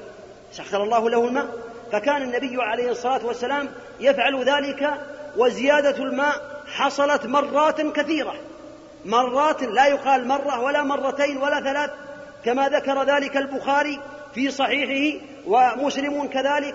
يعني روايات كثيرة تدل على أن هذا قد تكرر من النبي عليه الصلاة والسلام مرات كثيرة. ولكني أذكر منها حادثتين. الأولى ما حدث له عليه الصلاة والسلام في الحديبية. هذه حينما كان في هذه الغزوة عليه الصلاة والسلام قل الماء بل ربما انتهى الماء مطلقا فلم يجد الناس ما يتوضأ به ولم ولم يشربوا ولا يشربوا منه عليه الصلاة رضي الله عنهم وصلى صلى الله عليه على النبي عليه الصلاة والسلام فجاءوا إلى النبي عليه الصلاة والسلام وسألوه عليه الصلاة والسلام فوضع يده في ركوة أي في ناء صغير أو في حفرة صغيرة فيها ماء ثم كان الماء يخرج من بين أصابعه كالعيون العظيمة. عيون منهمرة من بين أصابعه عليه الصلاة والسلام. والصحيح أن هذه العيون تخرج من بين لحمه ودمه. ليست تأتي كالسحر وإنما تخرج من بين لحمه ودمه إعجازا وتصديقا للنبي عليه الصلاة والسلام وإعجازا لمن خالفه من البشر ومن الجن كذلك. إذا كان النبي عليه الصلاة والسلام حينما وضع يده في هذه الركوة خرج الماء عيونا عظيمة حتى شربوا وتوضأوا جميعا. قيل لجابر كم كنتم يومئذ؟ قال كنا قال لو كنا مئة ألف لكفانا. كنا خمسة عشر ألف. كنا خمسة عشرة مئة. يعني ألف وخمسمائة يعني هذه في غزوة الحديبية. يعني شربوا وتوضأوا وبقي الماء كما هو. وفي غزوة كذلك تبوك. كان النبي عليه الصلاة والسلام قبل أن يصل إلى تبوك والناس قد قل الماء عندهم ولم يجدوا ما يشربوا فقال إنا قادمون إن شاء الله غدا إلى عين تبوك أو كما قال النبي عليه الصلاة والسلام. ثم أمرهم لو سبقه أحد إلى هذه البير ألا يشرب منها ولا ينزع منها ماء حتى آتي. فسبقه رجلان إلى هذه البير فنزع منها فقل الماء وصار قليلا. كان كشراك النعل يعني شيئا قليلا. فسأل النبي عليه الصلاة والسلام هل أحد أخذ الماء؟ فقالوا نعم أخذ فلان وفلان. لم يبقى شيئا. الماء يجتمع فإذا أخذ لم يبقى شيئا. لأنه يحتاج إلى وقت طويل أن يأتي شيئا قليلا أو يأتي شيء قليل. فحينئذ النبي عليه الصلاة والسلام سبهما صلوات الله وسلامه عليه لأنهما خالف أمره. خالف أمره عليه الصلاة والسلام فسبهما ثم أمر فجمع الماء فكانوا يجمعون الماء قليلا قليلا ويجمعوه حتى اجتمع للنبي عليه الصلاة والسلام ما يقارب كف ثم أخذه وغسل به وجهه عليه الصلاة والسلام ومج في الماء. فحينما مج في الماء انهمرت العيون منهمرة عيون عظيمة. انهمرت من جميع الجهات من البير فأصبحت البير مملوءة ماء عظيما. فحينئذ قال عليه الصلاة والسلام وهذه الرواية في صحيح مسلم قال عليه الصلاة والسلام يوشك يا معاذ أن ترى ما ها هنا قد ملي جنانا. أي مزارع. ولم يكن في تبوك مزارع ولا بساتين في عهده عليه الصلاة والسلام وإنما كان ذلك بعده عليه الصلاة والسلام. وكانت المزارع في تبوك تأتي بعده, بعده عليه الصلاة والسلام كلما مرت العصور ازدادت المزارع. إلى الوقت الآن فالمزارع في تبوك الآن هي أكثر منها قبل عشر سنوات. من يعرف تبوك يعرف هذا. وهذه معجزة أخرى. معجزة الحمد لله. نحمده ونستعينه ونعوذ بالله من شرور أنفسنا ومن سيئات أعمالنا. من يهده الله فلا مضل له ومن يضلل فلا هادي له. وأشهد أن لا إله إلا الله وحده لا شريك له. أرسل رسوله بالهدى ودين الحق ليظهره على الدين كله ولو كره المشركون. وأشهد أن محمدا عبده ورسوله وخليله وأمينه على وحيه. أرسله الله رحمة للعالمين. من أطاعه دخل الجنة. ومن عصاه دخل النار صلى الله عليه وعلى آله وأصحابه وسلم تسليما كثيرا. عباد الله اتقوا الله تعالى وراقبوه في السر والعلن فإن من اتقاه جعل الله له مخرجا ووفقه ويسر أمره ومن عصاه خذله الله وأخزاه في الدنيا والآخرة. عباد الله سمعنا في بعض الخطب الماضية معجزات النبي عليه الصلاة والسلام أو البراهين التي تدل على أن محمدا عليه الصلاة والسلام رسول الله حقا وهو رسوله إلى الخلق من الجن والإنس من بعثته عليه الصلاة والسلام إلى قيام الساعة لا نبي بعده من ظن أو اعتقد أو شك بأن هناك نبيا بعده عليه الصلاة والسلام فهو كافر بالله حلال الدم والمال وحينئذ إذا شك في ذلك فكما سمعتم حكمه. ومن معجزاته عليه الصلاة والسلام أو البراهين التي تدل على أنه رسول الله عليه الصلاة والسلام والتي تزيد إيمان المؤمن والتي تجعل الكافر العاقل يسلم ويشهد أن لا إله إلا الله وأن محمدا عبده ورسوله. من ذلك ما شاهده الناس بأم أعينهم ومن هذا النوع ما فعله عليه الصلاة والسلام مع أبي هريرة رضي الله عنه. كان أبو هريرة رضي الله عنه في يوم من الأيام قد أصابه الجوع. أصابه الجوع. كان الصحابة رضي الله عنهم يصيبهم الجوع ويصيبهم الظمأ والفقر. فحينئذ في يوم من الأيام أصاب أبا هريرة رضي الله عنه الجوع حتى كان يتمرغ في الطرقات لا يجد من يطعمه طعاما. فحينئذ أراد أن يحصل على الطعام بطريقة يعني رآها رضي الله عنه. فتعرض لأبي بكر رضي الله عنه يسأله سؤالا يستفتيه فتوى يقول أنا لست أريد الفتوى وإنما أريده لعله يطعمني أو يدعوني.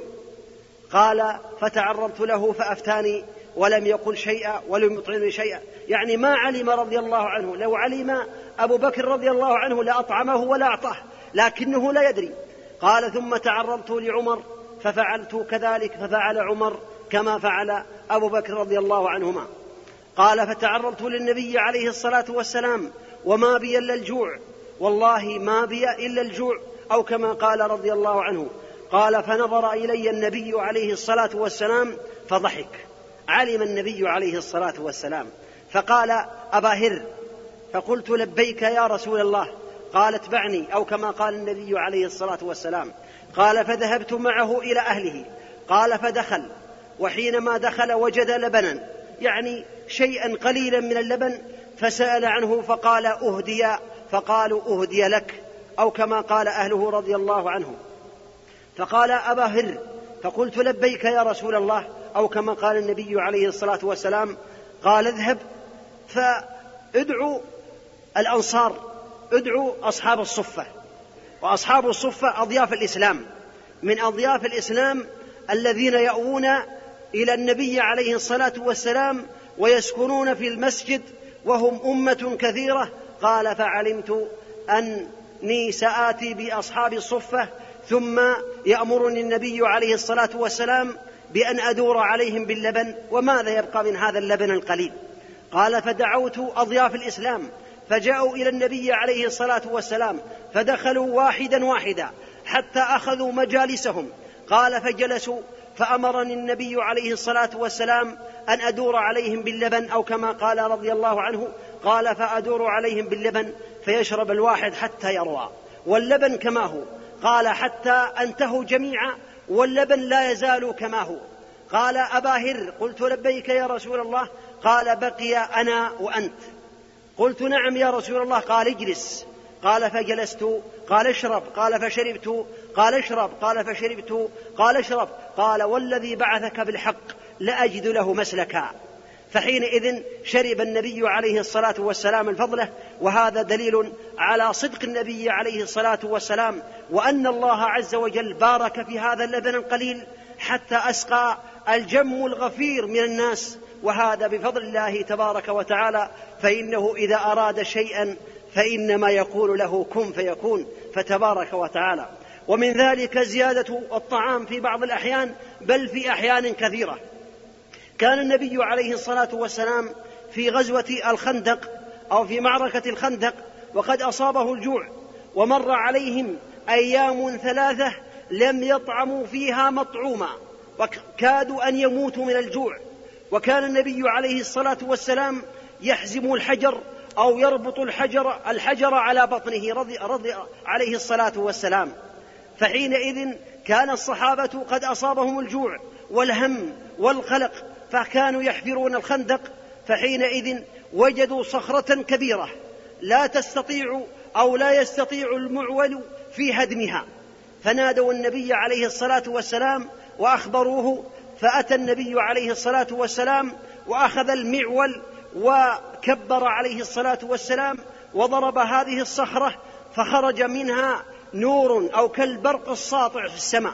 فقال الله أكبر الله أكبر فتحت الشام أو كما قال النبي عليه الصلاة والسلام وإني أرى قصورها الحمر هذه الساعة. هذه معجزة أخرى. يرى القصور في الشام وهو في المدينة عليه الصلاة والسلام في برقة صعدت في السماء من هذه الضربة.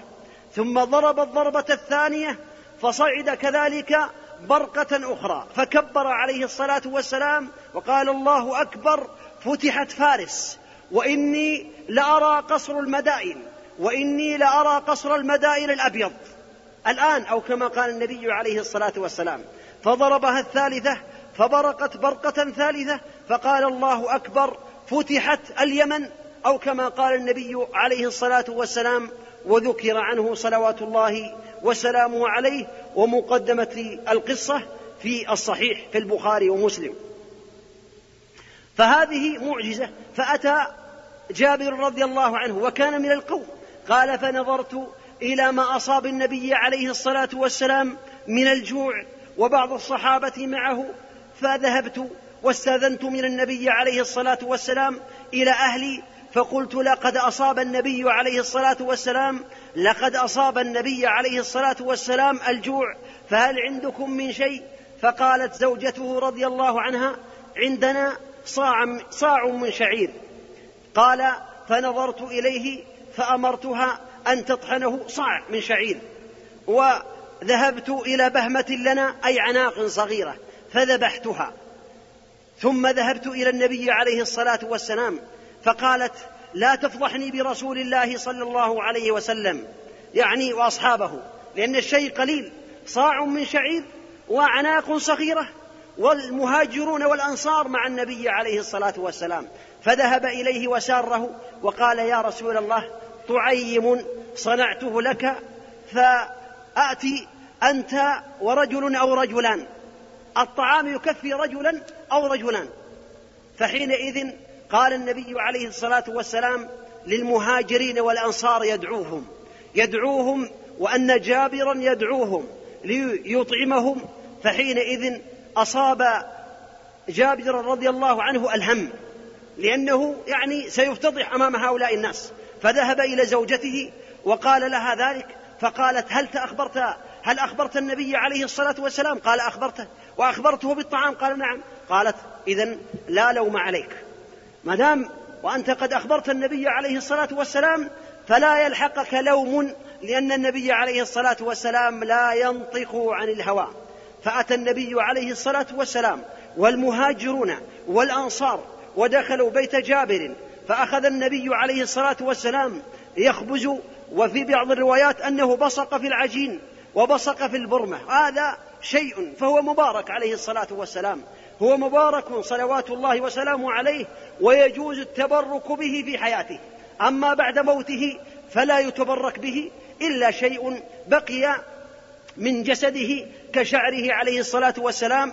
فقد ثبت أنه كان مع بعض الصحابة ومع بعض أزواجه أما التبرك بقبره والتبرك بمواقعه فلم يرد ذلك عنه عليه الصلاة والسلام ولو كان ذلك سنة أو مباركا لفعله الصحابة بعده رضي الله عنهم. فحينئذ أتى هؤلاء الناس ودعوا خابزة وكانوا يأكلون حتى شبعوا جميعا. قال جابر فأقسم بالله أنهم كانوا ألف كانوا ألف من البشر. فأكلوا حتى انحرفوا. يعني حتى انصرفوا. وإن برمتنا لتغط كما هي وعجينتنا كما هي. ما نقصت ما نقصت شيئا. هذا من فضل الله عز وجل. ودليل واضح على أن النبي عليه الصلاة والسلام رسول الله حقا فأيده الله عز وجل بالبراهين التي تدل على أنه رسول الله وأن من اتبعه فهو من أولياء من أولياء الله عز وجل ومن حاد عن طريقه خاب وخسر في الدنيا والآخرة. ومن ذلك تأيد الله عز وجل له بالملائكة. الملائكة, الملائكة يقاتلون عنه. الملائكة يقاتلون عن النبي عليه الصلاة والسلام ويقاتلون معه. ولهذا من ذلك ما بينه الله عز وجل في كتابه العزيز إلا تنصروه فقد نصره الله. إذ أخرجه الذين كفروا ثاني اثنين إذ, هو إذ هما في الغار. إذ يقول لصاحبه لا تحزن إن الله معنا. فأنزل الله سكينته عليه وأيده بجنود لم تروها. إذا وجعل كلمة الذين كفروا وجعل كلمة الذين كفروا السفلى وكلمة الله هي العليا.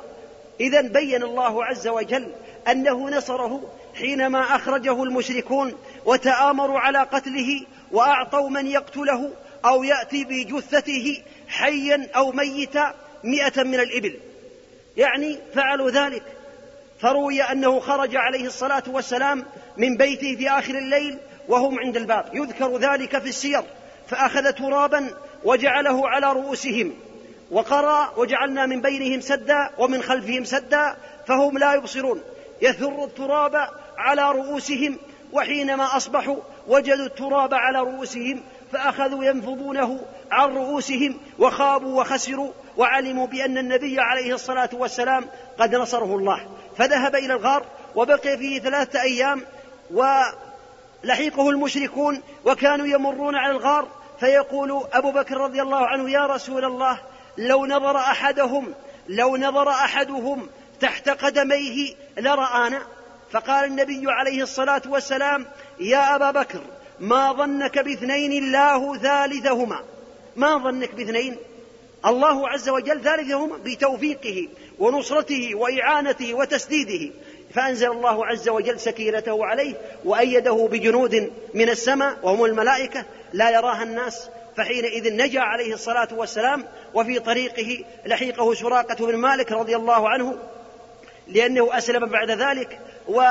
فدعا عليه النبي عليه الصلاة والسلام فغاصت يعني فرسه في التراب غاصت القوائم في التراب فقال ادعوا لي يا رسول الله. فدعا له النبي عليه الصلاة والسلام فرجع إلى مكة وأسلم بعد ذلك رضي الله عنه وأرضاه. ومن ذلك أن الله عز وجل نصره في بدر كذلك أيده بالملائكة. إذ تستغيثون ربكم فاستجاب لكم أني ممدكم بألف من الملائكة مردفين. أنزل الله الملائكة يجاهدون مع النبي عليه الصلاة والسلام وقد سمع بعض الصحابة القتال للملائكة. يقول بعض الصحابة كنت في طريقي وكنت أطرد كافرا من المشركين أريد قتله. فسمعت صوتا فوقي يقول أقدم خيزوم أقدم خيزوم.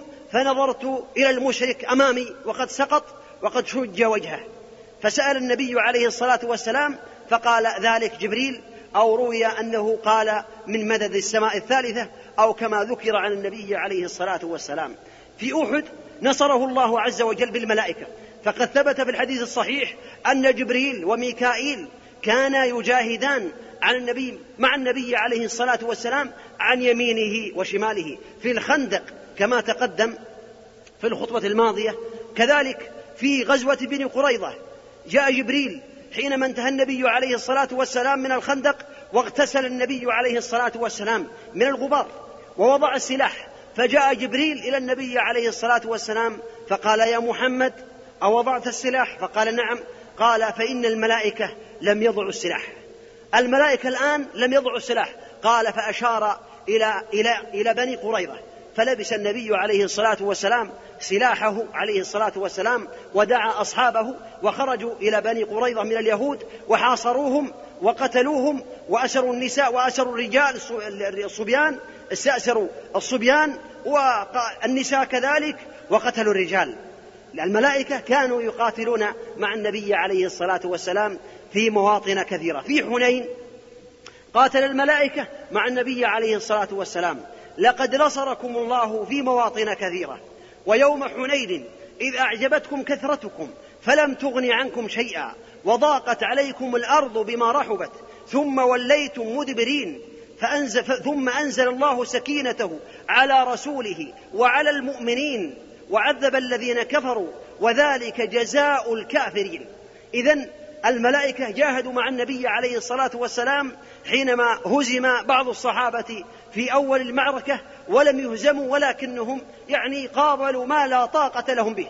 أهل الطائف قد تجمعوا وتحصنوا بالجبال والحجارة والكهوف وهؤلاء بعضهم يعني حديث عهد بالإسلام.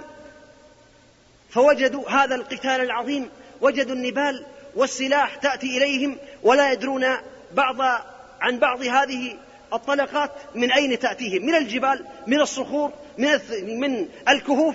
فهربوا ولكنهم تراجعوا وعادوا الكرة مرة أخرى وغلبوا بإذن الله عز وجل. فبين الله عز وجل بأنه الذي نصر المؤمنين. وهذا مصداق ودليل وبرهان على أن محمدا عليه الصلاة والسلام هو رسول الله حقا. فمن أطاعه وفقه الله ومن عصاه خذله الله في الدنيا والآخرة.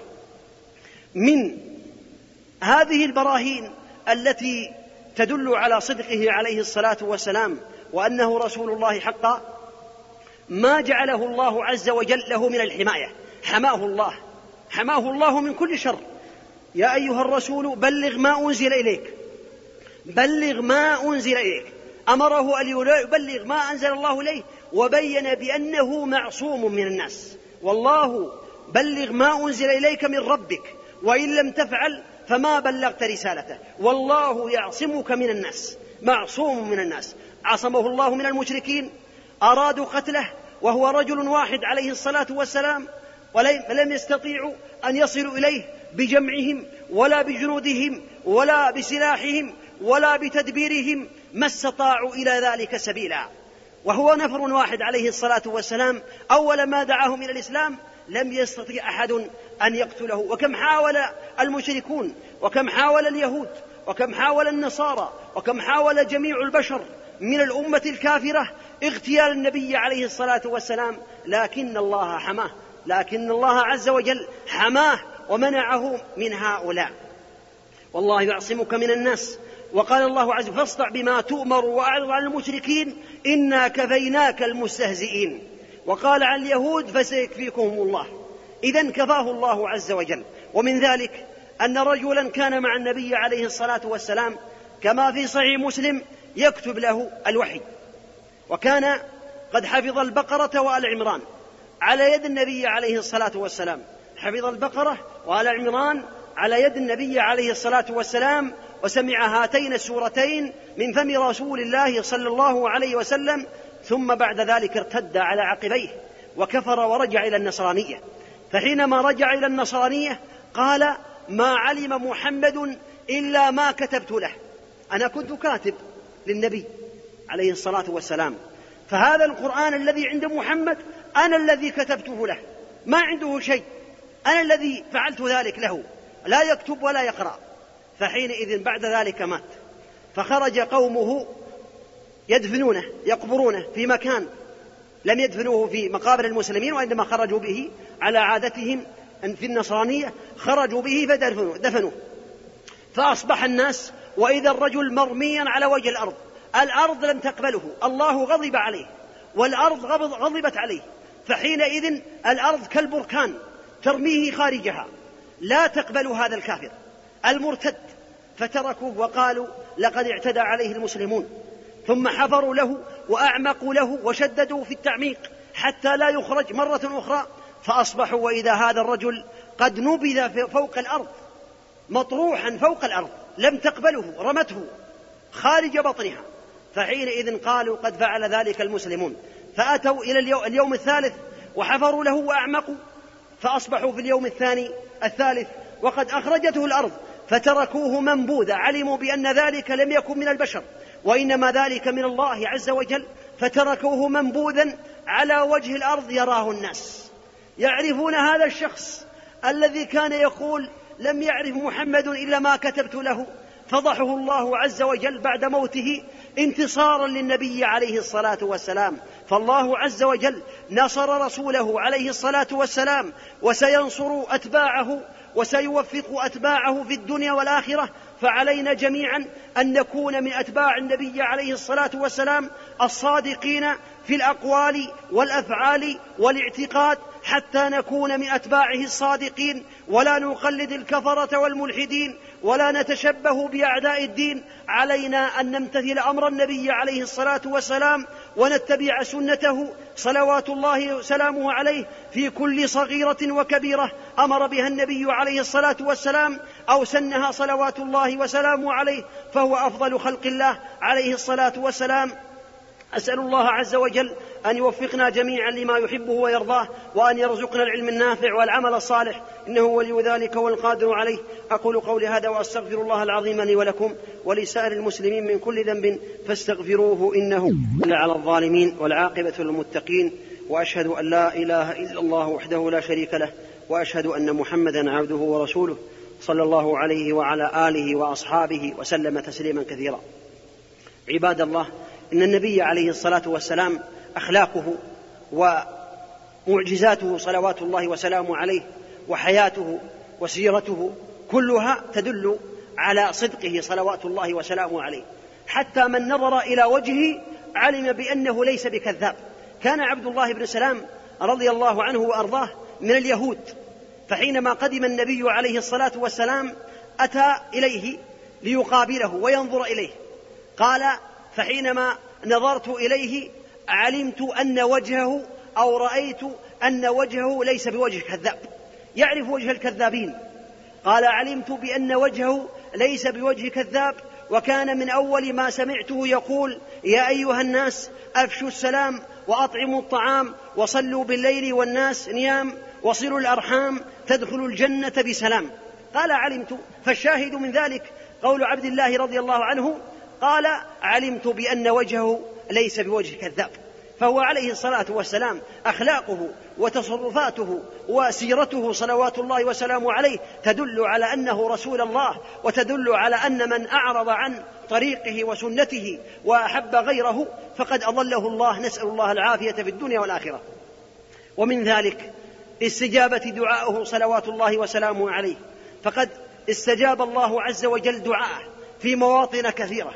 ومنها أنه عليه الصلاة والسلام دعا على الكافرين دعا على المشركين دعا أدعية كثيرة استجاب الله له في يعني هذه الدعوات وكانت الإجابة تتحقق كما يرى الإنسان الشمس في رابعة النهار.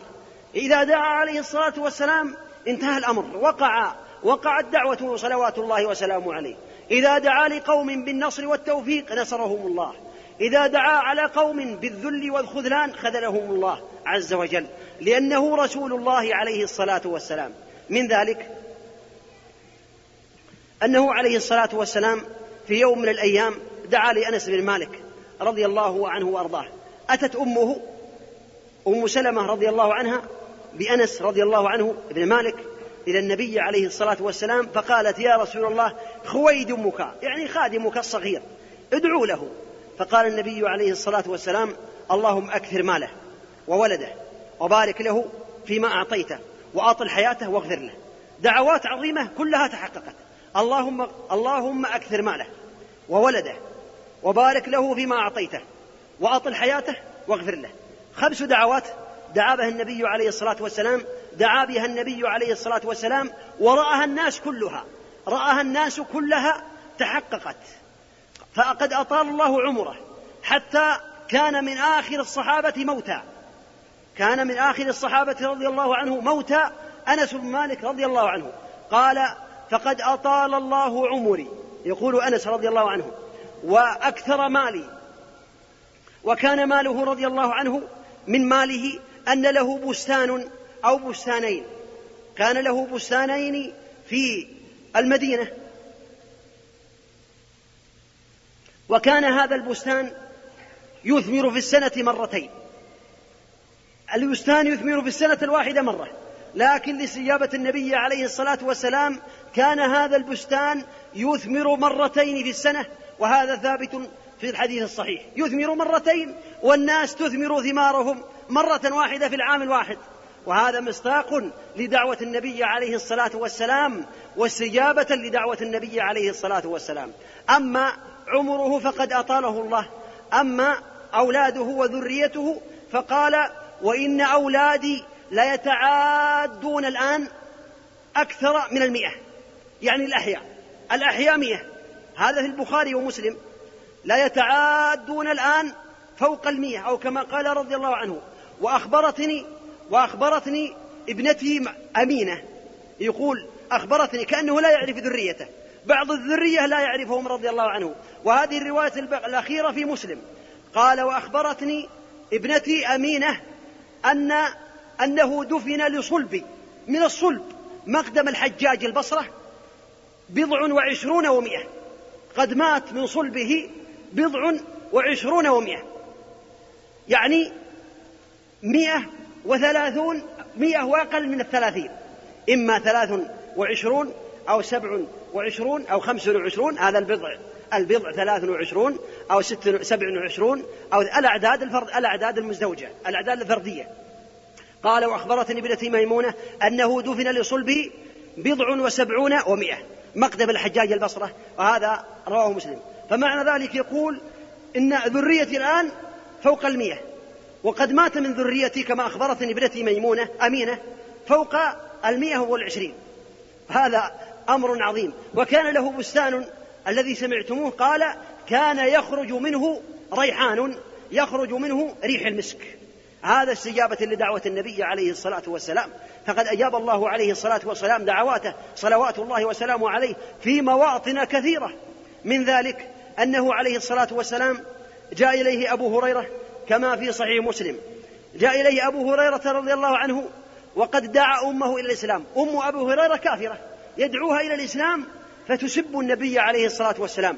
تسب النبي عليه الصلاة والسلام. فأتى أبو هريرة رضي الله عنه إلى النبي عليه الصلاة والسلام وقال يا رسول الله أمي دعوتها إلى الإسلام فسمعت منها كلاما فيك.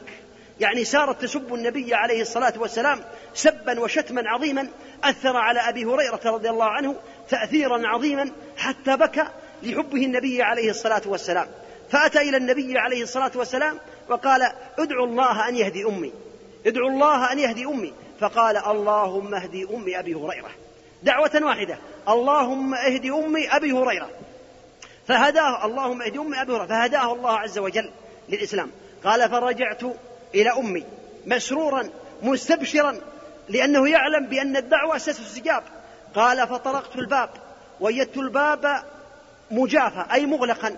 قال فطرقت الباب فسمعت خشخشة الماء. قالت مكانك يا أبا هريرة مكانك تغتسل.